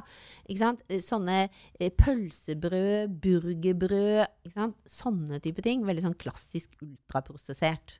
Hva med sånne ting som Fjordland-middager Ja, den vil jeg jo stort sett si at ikke er ultraprosessert. Ikke? Fordi at der har du veldig mye Får du fortsatt eh, fileten av laksen eller brystet av kyllingen eller sånne ting. ikke sant? Og så får du faktisk sånn at du skjønner at poteten er potet, eller at, eh, at eh, ja, og at grønnsakene er grønnsaker. Men så er det forskjell der òg, for de har jo noen varianter som er med, med hvor det er brukt bacon og kjøttdeig som utgangspunkt, da. Så det er noe av hver. Mm. Men, men selve den sous vide-metoden, det at de, at de har det inn i lufttett emballasje osv. etter at det er lagd osv., det gjør det ikke til ultraprosessert. Men det kommer an på hva er innenfor det Ja. igjen. Men, men jeg tror, hvis vi sier allikevel, hvis alle i Norge hadde fulgt de rådene som vi sier Det er heller ingen, ingen som sier 'spis mer salt' og 'spis mer junk og, og snacks'. Hvis alle hadde fulgt disse, så hadde helsa til absolutt alle blitt bedre. Altså Hvis vi hadde spist mindre sukker, spist mindre sikta hvetemel, spist mer eh, grønnsaker, mer bær, spist mindre ultraprosessert, lagd mer fra bånn, og spist mindre snacks og junk, og spist faste måltider, om du da velger å spise én gang om dagen eller fire ganger om dagen, men i hvert fall ikke gå bare småspise og ta alt på tilfeldigheten gjennom hele dagen. Da tror jeg at hele Norge hadde blitt sunnere. Så er det egentlig en litt sånn avsporing, det at vi sier at det er blitt så vanskelig, for nå er det så mye diskusjoner om hvor mye man skal ha havregryn og det groveste brødet. Det er ikke det som er problemet for folkehelsa. Så sånn sett så tror jeg at jeg også kunne ønske meg at alle som hadde en sånn bakgrunn som meg, var mer opptatt av å fokusere på at eh, vi er enige om veldig mye, enn det der å kanskje få litt sånn spalteplass med å være den som eh, setter fingeren på en eller annen ting som ja, kanskje er viktig, men som samtidig er litt kontroversielt, og som ikke er det store tinget som virkelig betyr noe for folkehelsa. Mm. Ja, for det er veldig basic ting vi snakker om nå, Mm. egentlig. Mm. Og så må man oppi det selvfølgelig finne noe man trives med, og få det til å funke i hverdagen. Ja. Fordi man dauer ikke av å spise liksom litt smågodt i helgene. Nei, Nei. kanskje du lever bedre til Ja, det. Ikke sant? Sånn Eller noen glass rødvin, eller Ja. Istedenfor å sitte der og skjelve fordi du ikke gjør det. Ja, sånn at det, det er ingen studier som viser at sukker som et krydder i kostholdet gir noen negative effekter for helsa. Det er faktisk ingen studier som viser. Mens når sukker blir hovedbestanddelen av kostholdet ditt, så får du store helseproblemer. Hva tror du om lett brus og sånne ting? da? Ja, En ting er jo hva jeg tror, og en annen ting er jo hva forskningen sier. Ja. altså, det er i veldig, vi vet vel, det er veldig, veldig godt dokumentert at uh, sukkerbrus ikke er bra for helsa. Veldig. Ja, Så kan du si, hva med da disse lettbrusvariantene? For det første så er det, så syns jeg det er eh, gata kaller det ofte kunstige søtningsstoffer. Mens hvis du leser på en måte fagoppsummeringer, så kaller man det intensive søtningsstoffer. For noen av stoffene er jo helt naturlige. Du kan finne de i planter, f.eks. Men de er mange ganger hundre så søte som sukker. Så mengden du bruker, er ekstremt liten. Det er derfor det blir kalorifritt. Eh, så kan man si at noen av disse er veldig godt studert. F.eks. aspartam, som har fått veldig mye tyn. Egentlig veldig godt studert. Det er jo det. Aller mest med veldig mye dyrestudier. For all del, fordi at man eh, fikk ikke lov å si at denne gruppen skal drikke to liter cola hver dag, og den skal drikke to liter Pepsi Max hver dag, og gjøre det hver dag i to år. For det ville kanskje ikke vært så gunstig for tannemaljen for noen av de, og de som skal drikke to liter cola, er det i hvert fall ikke bra for. Men det er godt studert, sånn at man har kommet fram til såkalte ADI-verdier. Acceptable Daily Intake. Der man har gjort dyrestudier, og så har man tatt den mengden som dyr kan ha gjennom et helt liv, og så har man delt den på 100. Mm. Først har man tatt en sikkerhetsmargin på 10 fordi man sier at mennesker er ikke dyr. Og så har man tatt enda og delt det på 10 en gang til. Og det er den dosen som er den høyest tillatte dosen. Så sammenligner man da med hvor mye kan det da være i produktene. Sammenligner man når vi har da gjort norske kostholdsundersøkelser, og der skal man ta hensyn til høykonsumentene, altså de som bruker mest av produktene. Og så ser man at man kan drikke faktisk opptil noen liter om dagen da, av disse produktene før man klarer å finne noen negative effekter. Men det er studier som har vist negative effekter. Men de er på de mengdene at mennesker skulle drikke et par hundre liter om dagen. Og det er heller ikke så rart at det er negativt. Og f.eks. aspartam, da, hva er aspartam? Hvis du ser på strukturformelen, det er et såkalt dipeptid. Et peptid består av Det er en sammensetning av to eller noen, noen, noen få aminosyrer. Og dipeptid er to sånne kjeder satt sammen, da. Så det er ikke noe mystisk for oss hvordan brytes dette ned, f.eks. Nei, det vet vi. Det brytes ned som andre aminosyrer. Da skilles det ut eh, NH3 pluss i, i ammonium i urinen, og resten da brytes bindingene mellom karbon og hydrogen på en helt sånn vanlig måte. Så det er sånn, dette er ikke sånne mystiske stoffer som vi ikke vet noe om. Men det er selvfølgelig mye sunnere å drikke vann. Selvfølgelig. Men hvis du av og til hvis du liksom ikke klarer deg uten smaken av brus, så vil det være bedre å drikke en halvliter med altså om du drikker Sprite Light eller Pepsi Max eller I don't care, enn å Så brus er verst. Lettbrus er ikke så ille. Nei. Lettbrus er mye mindre usunt, og vann er det beste. Hvis det er tørstedrikk vi snakker om. Mm. Ikke sant. Uh, hvis du allerede er veldig sunn, da, Mm. hvordan kan du optimalisere mer? Mm. Og det, det er jo egentlig Jeg jo opplever jo at det er kanskje de som er mest ivrig. fordi Det er jo at- det. Ja, fordi at det er egentlig de som er nederst i trakta, som ville hatt masse å hente på. liksom Begynt å gå 30 minutter om dagen, f.eks. Fått kjempegevinst, ikke sant. De er ikke, Dessverre så klarer vi ikke helt å finne interessen der. Eller de kunne begynt å spist en ekstra frukt eller grønnsak om dagen og ville fått kjempegevinst. Men så er det oss som er liksom mer oppe i sjiktet der, som virkelig er ute etter hva kan jeg gjøre for å toppe det. Og da er det egentlig ok, Kall det kjedelig, men altså det å spise enda mer frukt og grønnsaker I Frankrike og USA så er det ti om dagen som anbefaling. Ti om dagen, ja. Og det ser jo det kom en stor sånn oppsummeringsstudie. Det er de vi liksom legger mest vekt på. Det kom en fra, fra Aune og medarbeidere, en eh, norsk forsker, som så at det, det ser ut til at når man kommer til rundt åtte enheter om dagen, da når vi kanskje makseffekten på helse. Åtte enheter. Åtte enheter. Det er en- Enheter, når jeg hører det, Ja. så tenker jeg bare øl, jeg. Ja. Det, det tror jeg alle lytterne mine gjør òg.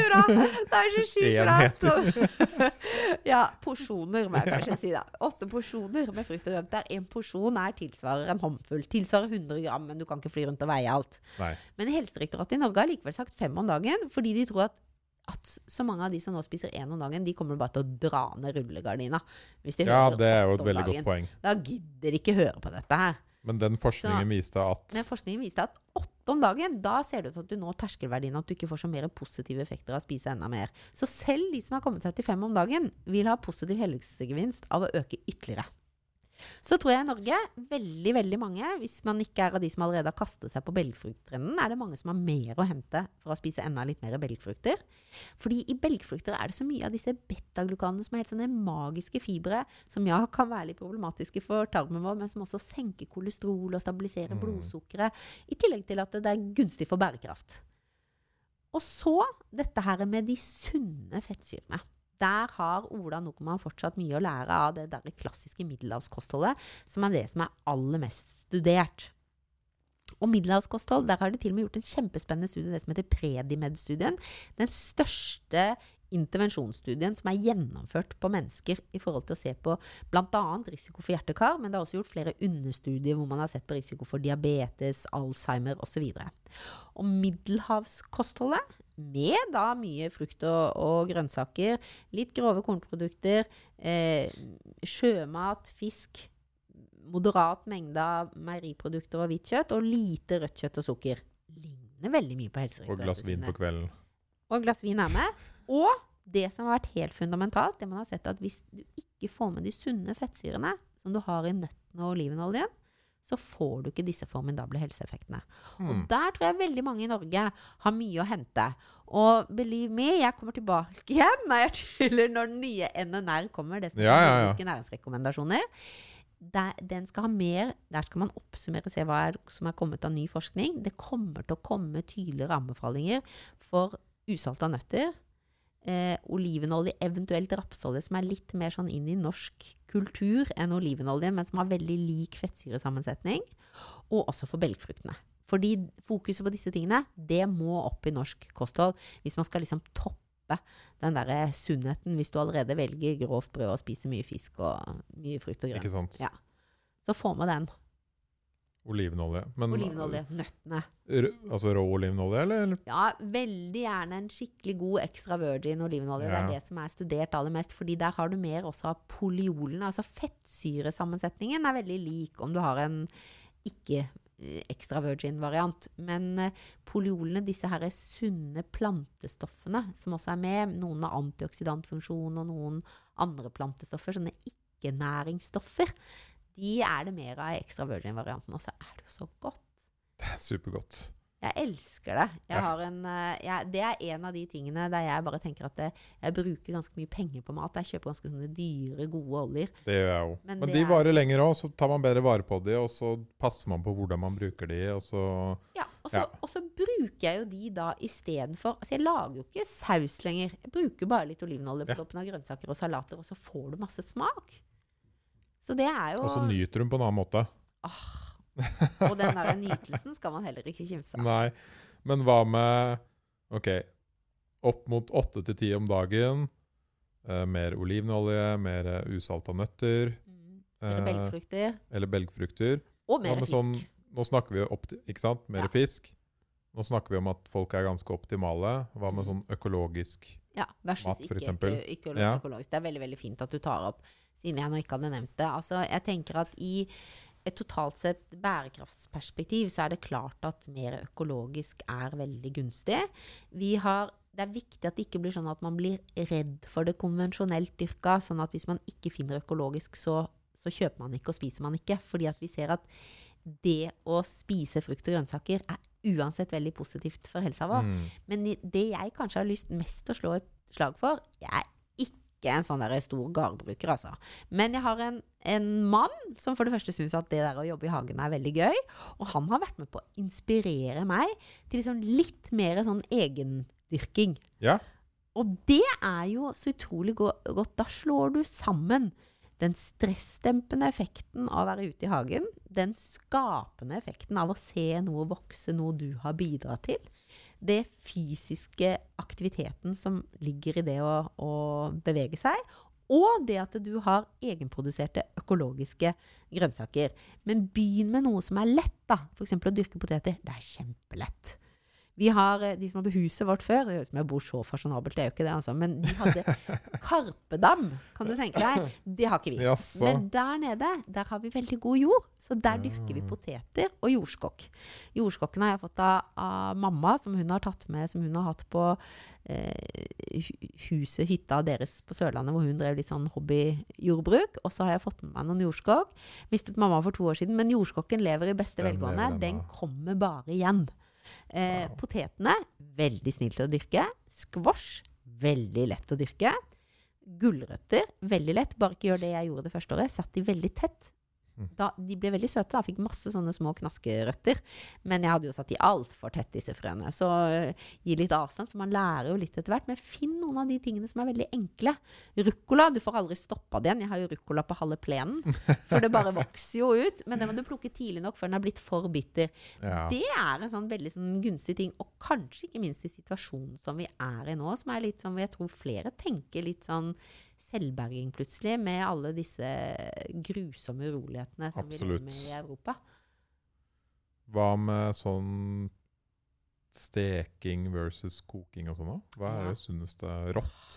Spiser Ja, rått? altså eller skal raw food er jo en annen uh, Ja, det er jo det. Den hadde jeg faktisk ikke, ikke på lista her. Det der med at man bare skal spise alt rått, den er jo På den ene siden så er den jo gunstig fordi at en del ting, f.eks. C-vitamin, er veldig labilt hvis du koker eh, brokkolien. Brokkoli er mer C-vitamin enn appelsin, det er det ikke mange som vet. Mm. Men når du Er ikke kiwi enda mer Kiwi er enda mer oppå Kiwi der. er sånn superfrukt, ja, ja, ja, har ja, hørt. Em, så hvis du koker brokkoli, så mister den litt av C-vitaminet ute i kokvannet. Før da det var vanskelig å få nok C-vitaminer, så hadde jo, da må jeg nesten si husmødrene, for det var jo de som lagde mat da, sånn som min gamle mormor, hun kasta jo aldri kokvannet. Hun brukte det jo i en saus eller en suppe, Mm. og C-vitaminet var ikke ødelagt. Det bare sklidde ut i kokvannet, så det ligger et annet sted. Så da tok man vare på det. Det er vi mer slurvete med i dag, for det er så lett å få en appelsin, og så har du dekka dagsbehovet, og så er det fine. Men allikevel, sånn sett så kan du si at det å koke i hvert fall i lite vann, det å dampe og koke det litt kortere, det vil bevare både fiberne bedre, det bevarer innholdet av vitaminer og mineraler. Det å steke ting veldig hardt, sånn veldig sånn hardt stekt på en grill og sånn, det kan være negativt, fordi du lager noen sånne stekemutagener som ikke er så bra. Men for de fleste da er jo matvaren også ganske svart, da. Ja. Så hvis du bruker temperaturen med litt forsiktighet, og det å lage en stor liksom sånn gryterett eller pannerett hvor du, hvor du putter alt oppi, om det er i wokken eller ratatouille eller hva det er for noe, det bevarer jo både smaker, som jeg syns er kjempeviktig, men Mhm. også da vitaminene og mineralene veldig godt. Så jeg vil ikke si at det er noe enten-eller. Og Nei. du har f.eks. gulrot. Når den er varmebehandla, så øker du det som heter biotilgjengeligheten. Altså kroppen tar lettere opp betakarotenet fra gulroten når den er litt varmebehandla, enn når den er rå. Men jeg er veldig glad i rå gulrøtter. ja, det er godt å det knaske fortsatt- på det. Ja, kjempegodt. Det er redder en jo når man står og lager middag og er skrubbsulten. Ja. Ja. Absolutt. Så, så steg, Men frityrsteking, det er veldig lett å ta ut og si at eh, nei, Den er ikke så det bra. var ikke Guds det er gave til jævlig godt, da, men Ja. eh, Det er ikke så bra. Nei. Så apropos det vi snakker om, liksom prosessert variant. Alt som er frityrstekt, er jo på en måte sånn ultraprosessert-kategorien. mm. Men det er fett og salt, så hjernen gir et rush. Så det er jævlig godt. Kan Hva er det beste for hjernen, da? Hva er det beste for hjernen? Altså, hjernen, hjernen vet jo ikke sitt eget beste, på en måte. De to tingene vi mennesker trenger å drive med, det er noe av det som gir oss liksom mest rush. Det er jo mat og sex. Mm. For strengt tatt så er det det vi trenger å drive med. Hvis vi har mat og har sex, da går menneskeheten videre. Sånn at eh, det var, så, sånn sett så kunne vi stoppa der, fordi at eh, Vet du hva, mennesker har vært på denne jorda i 100 000 år. Og dinosaurene har vært der i 165 millioner år. Sånn da, sånn sett, det jeg driver med her, det er ganske ubetydelig. Men vi skal liksom føre arten videre, da. Så sånn sett så er det Så vil jo liksom hjernen vår gi oss størst tilfredsstillelse der og da av å spise ting som inneholder veldig mye energi, typisk sukker og fett. Men det hjernen trenger, er jo de sunne fettsyrene. Disse langkjedede omega-3-fettsyrene, EPA, DHA, som vi typisk finner i fet fisk, da. Og som vi finner forløperne til i valnøtten. Det er jo en grunn, Den ligner jo på en hjerne, til og med. ikke sant? Som vi finner forløperen til i valnøtter eksempel, og i rapsolje. Og så er det bl.a. antioksidanter som er med på å passe på, på nervecellene i hjernen. Så disse tingene trenger jo hjernen. Men det er ikke det den gir oss størst rush av å spise. Nei. Hva med sånne supplements? Som, har du hørt om Lions Mane? Ja, jeg har hø hørt om det. hørt om Og det? jeg skal si allikevel at jeg vil si at jeg er ganske ekspert i så måte at jeg, jeg bruker en del tid på å sette meg inn i det som, hva som skjer av trender. Fordi jeg kan ikke som ernæringsfysiolog si at jeg leser bare forskningsrapporter. jeg. Må vite hva Det er er. Jeg må vite hva raw food er. Jeg må vite? Jeg må vite hva intermittent fasting er. Jeg kan ikke sitte oppe på kontoret mitt som en eller annen fossil som bare leser forskningsrapporter. Du må jo være med i 2022. Men eh, det, jeg skal innrømme at når det gjelder eh, Selvfølgelig så vet jeg alt om anbefalinger for vitaminer og mineraler og hvilke effekter og funksjoner de har i kroppen vår. Men når det gjelder det å holde styr på alt som fins av tilskudd, det er umulig. Mm. Og der sånn så er det vel litt sånn at eh, det som forskning viser oss veldig veldig tydelig, er jo at det å ha dette her, det er den totaliteten av kostholdet, den sammensetningen av kostholdet, det er det som virkelig gir helsegevinst, mer enn å tilføre ett vitamin eller mineral Mm. eller en kompleks. Men nå snakker jeg om hvis du allerede har det, ikke sant? ja, et, et kompleks med mange ting. Men ja, så hvis du allerede har det, så ser det ikke ut til at det å få noe ekstra gir Nei. noe ekstra effekt.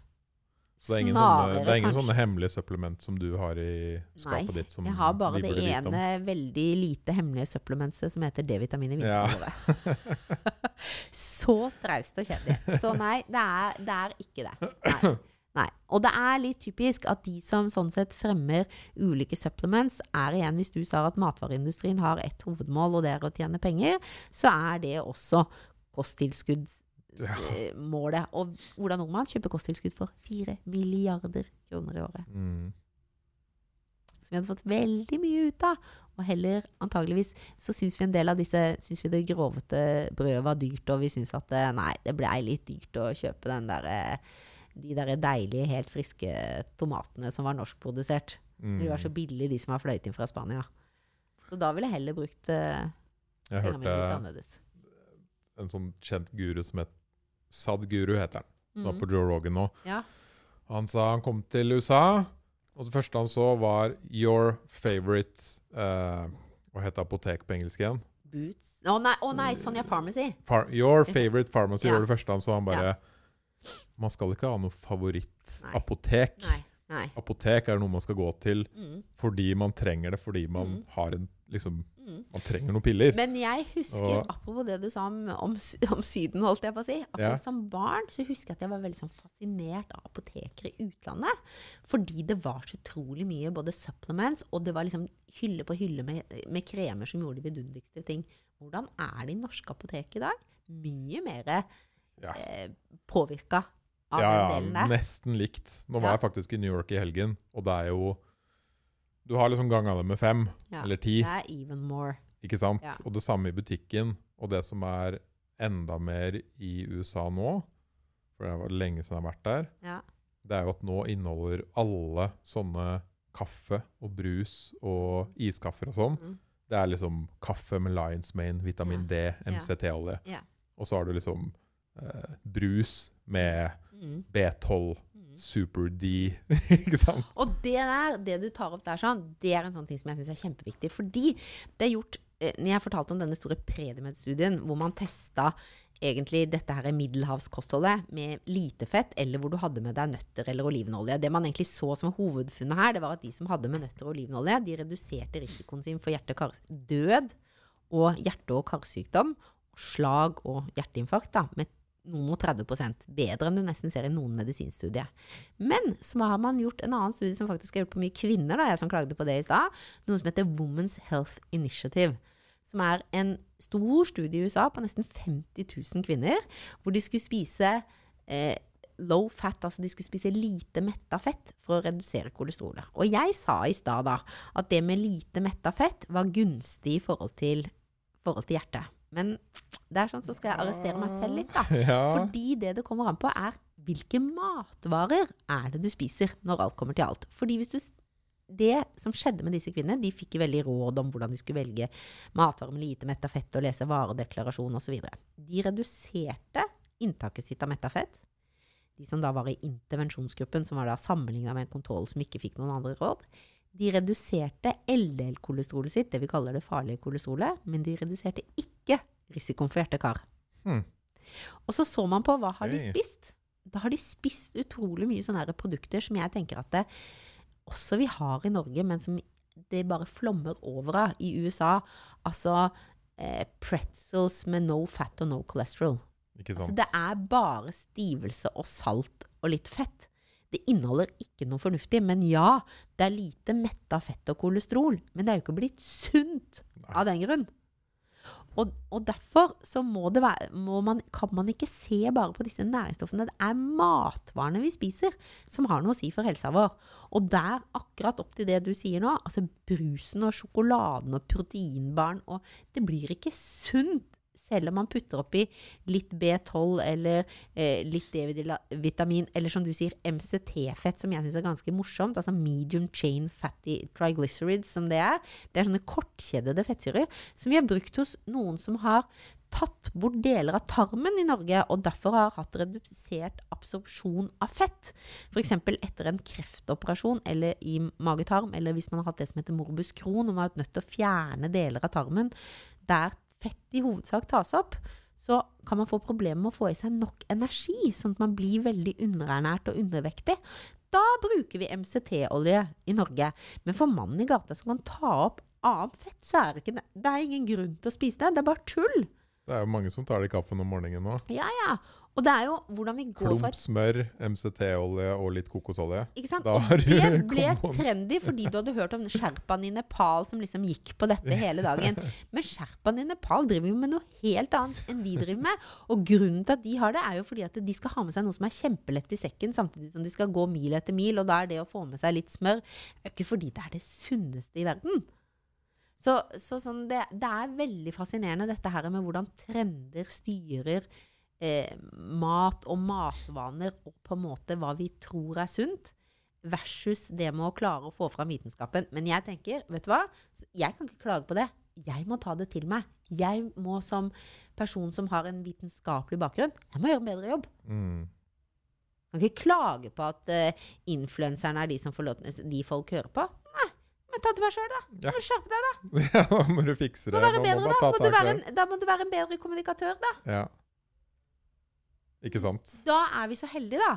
At vi har sånn som Hennings Verden, da. Uh.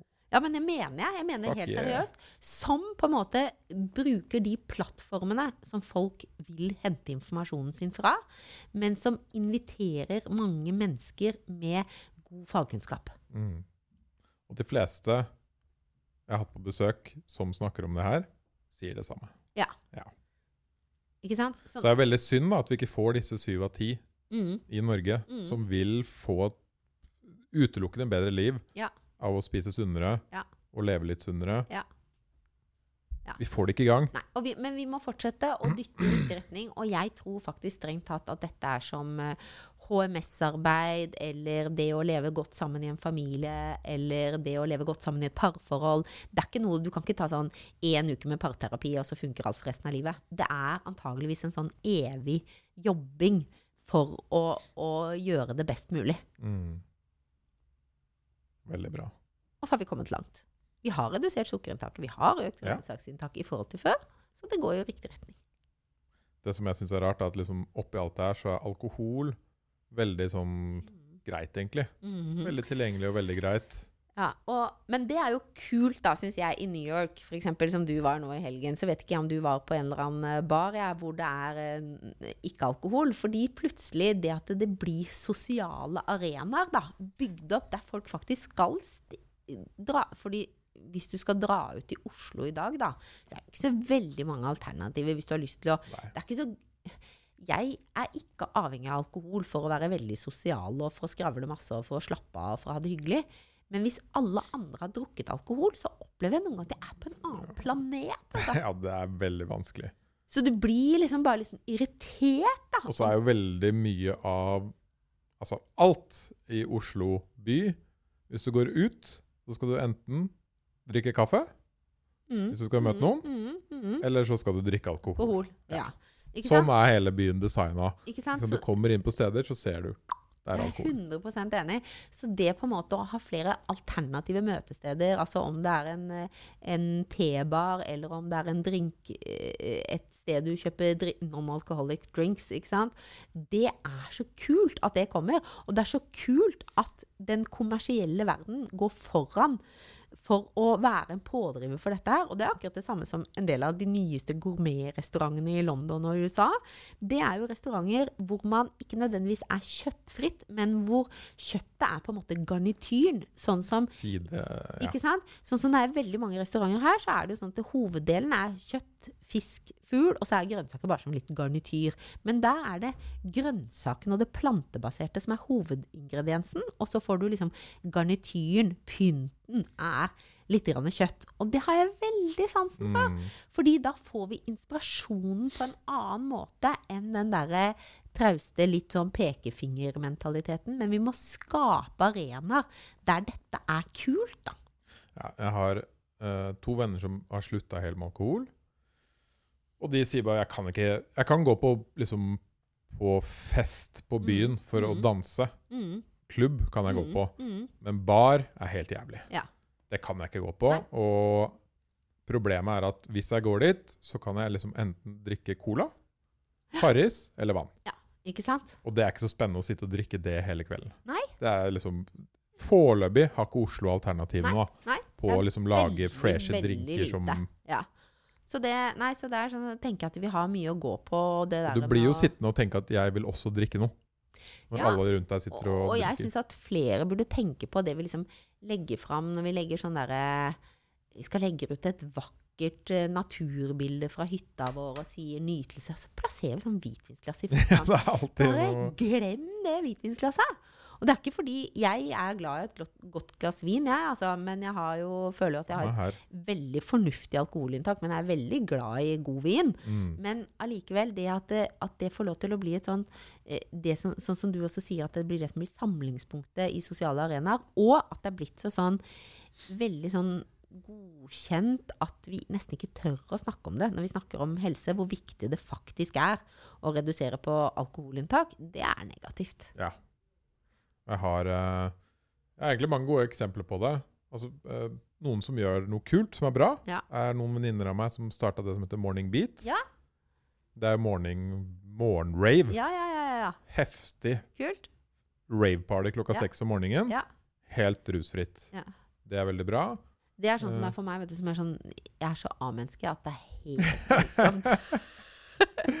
ja, og da kommer du jo på jobb. Søsteren min sier at jeg skal ikke klage fordi hele verden er lagd til oss, sier hun da. Ja. Fordi at det er jo lettere å være A-menneske. Men altså, hvis jeg har vært ute seint, da. Hvis jeg har vært på fest Altså, jeg våkner jo klokka sju allikevel. Ja, det er ofte jeg òg. Ja. Så de gjør jo en veldig bra greie. Mm. Og det er jo gøy, for da kommer du jo liksom på jobb etterpå med litt glitter i trynet. Og Ja, ja. Dødskult. Dødsfresh, ikke sant? Ja. Og ha dansa i to timer. Ja, veldig kult. Og så er det jo sånn som Jeg arrangerer jo selv festival. Ja. Og vi uh, har jo sett på det nå at foreløpig Og det er jo problemet ofte, også med de jeg kjenner som driver bar i Oslo, at flere av de vil starte alkoholfri bar, men de bare sånn Det er alkohol vi tjener penger på. Ja. Ikke sant. Så det må være en sånn sakte overgang, da, i så fall. Ja. Uh, du må ha begge alternativene. ja. Og det gjør vi på festivalen i år. Da har vi alkoholbar, alkoholfri bar. Så kult. Med liksom drinker og Så kult.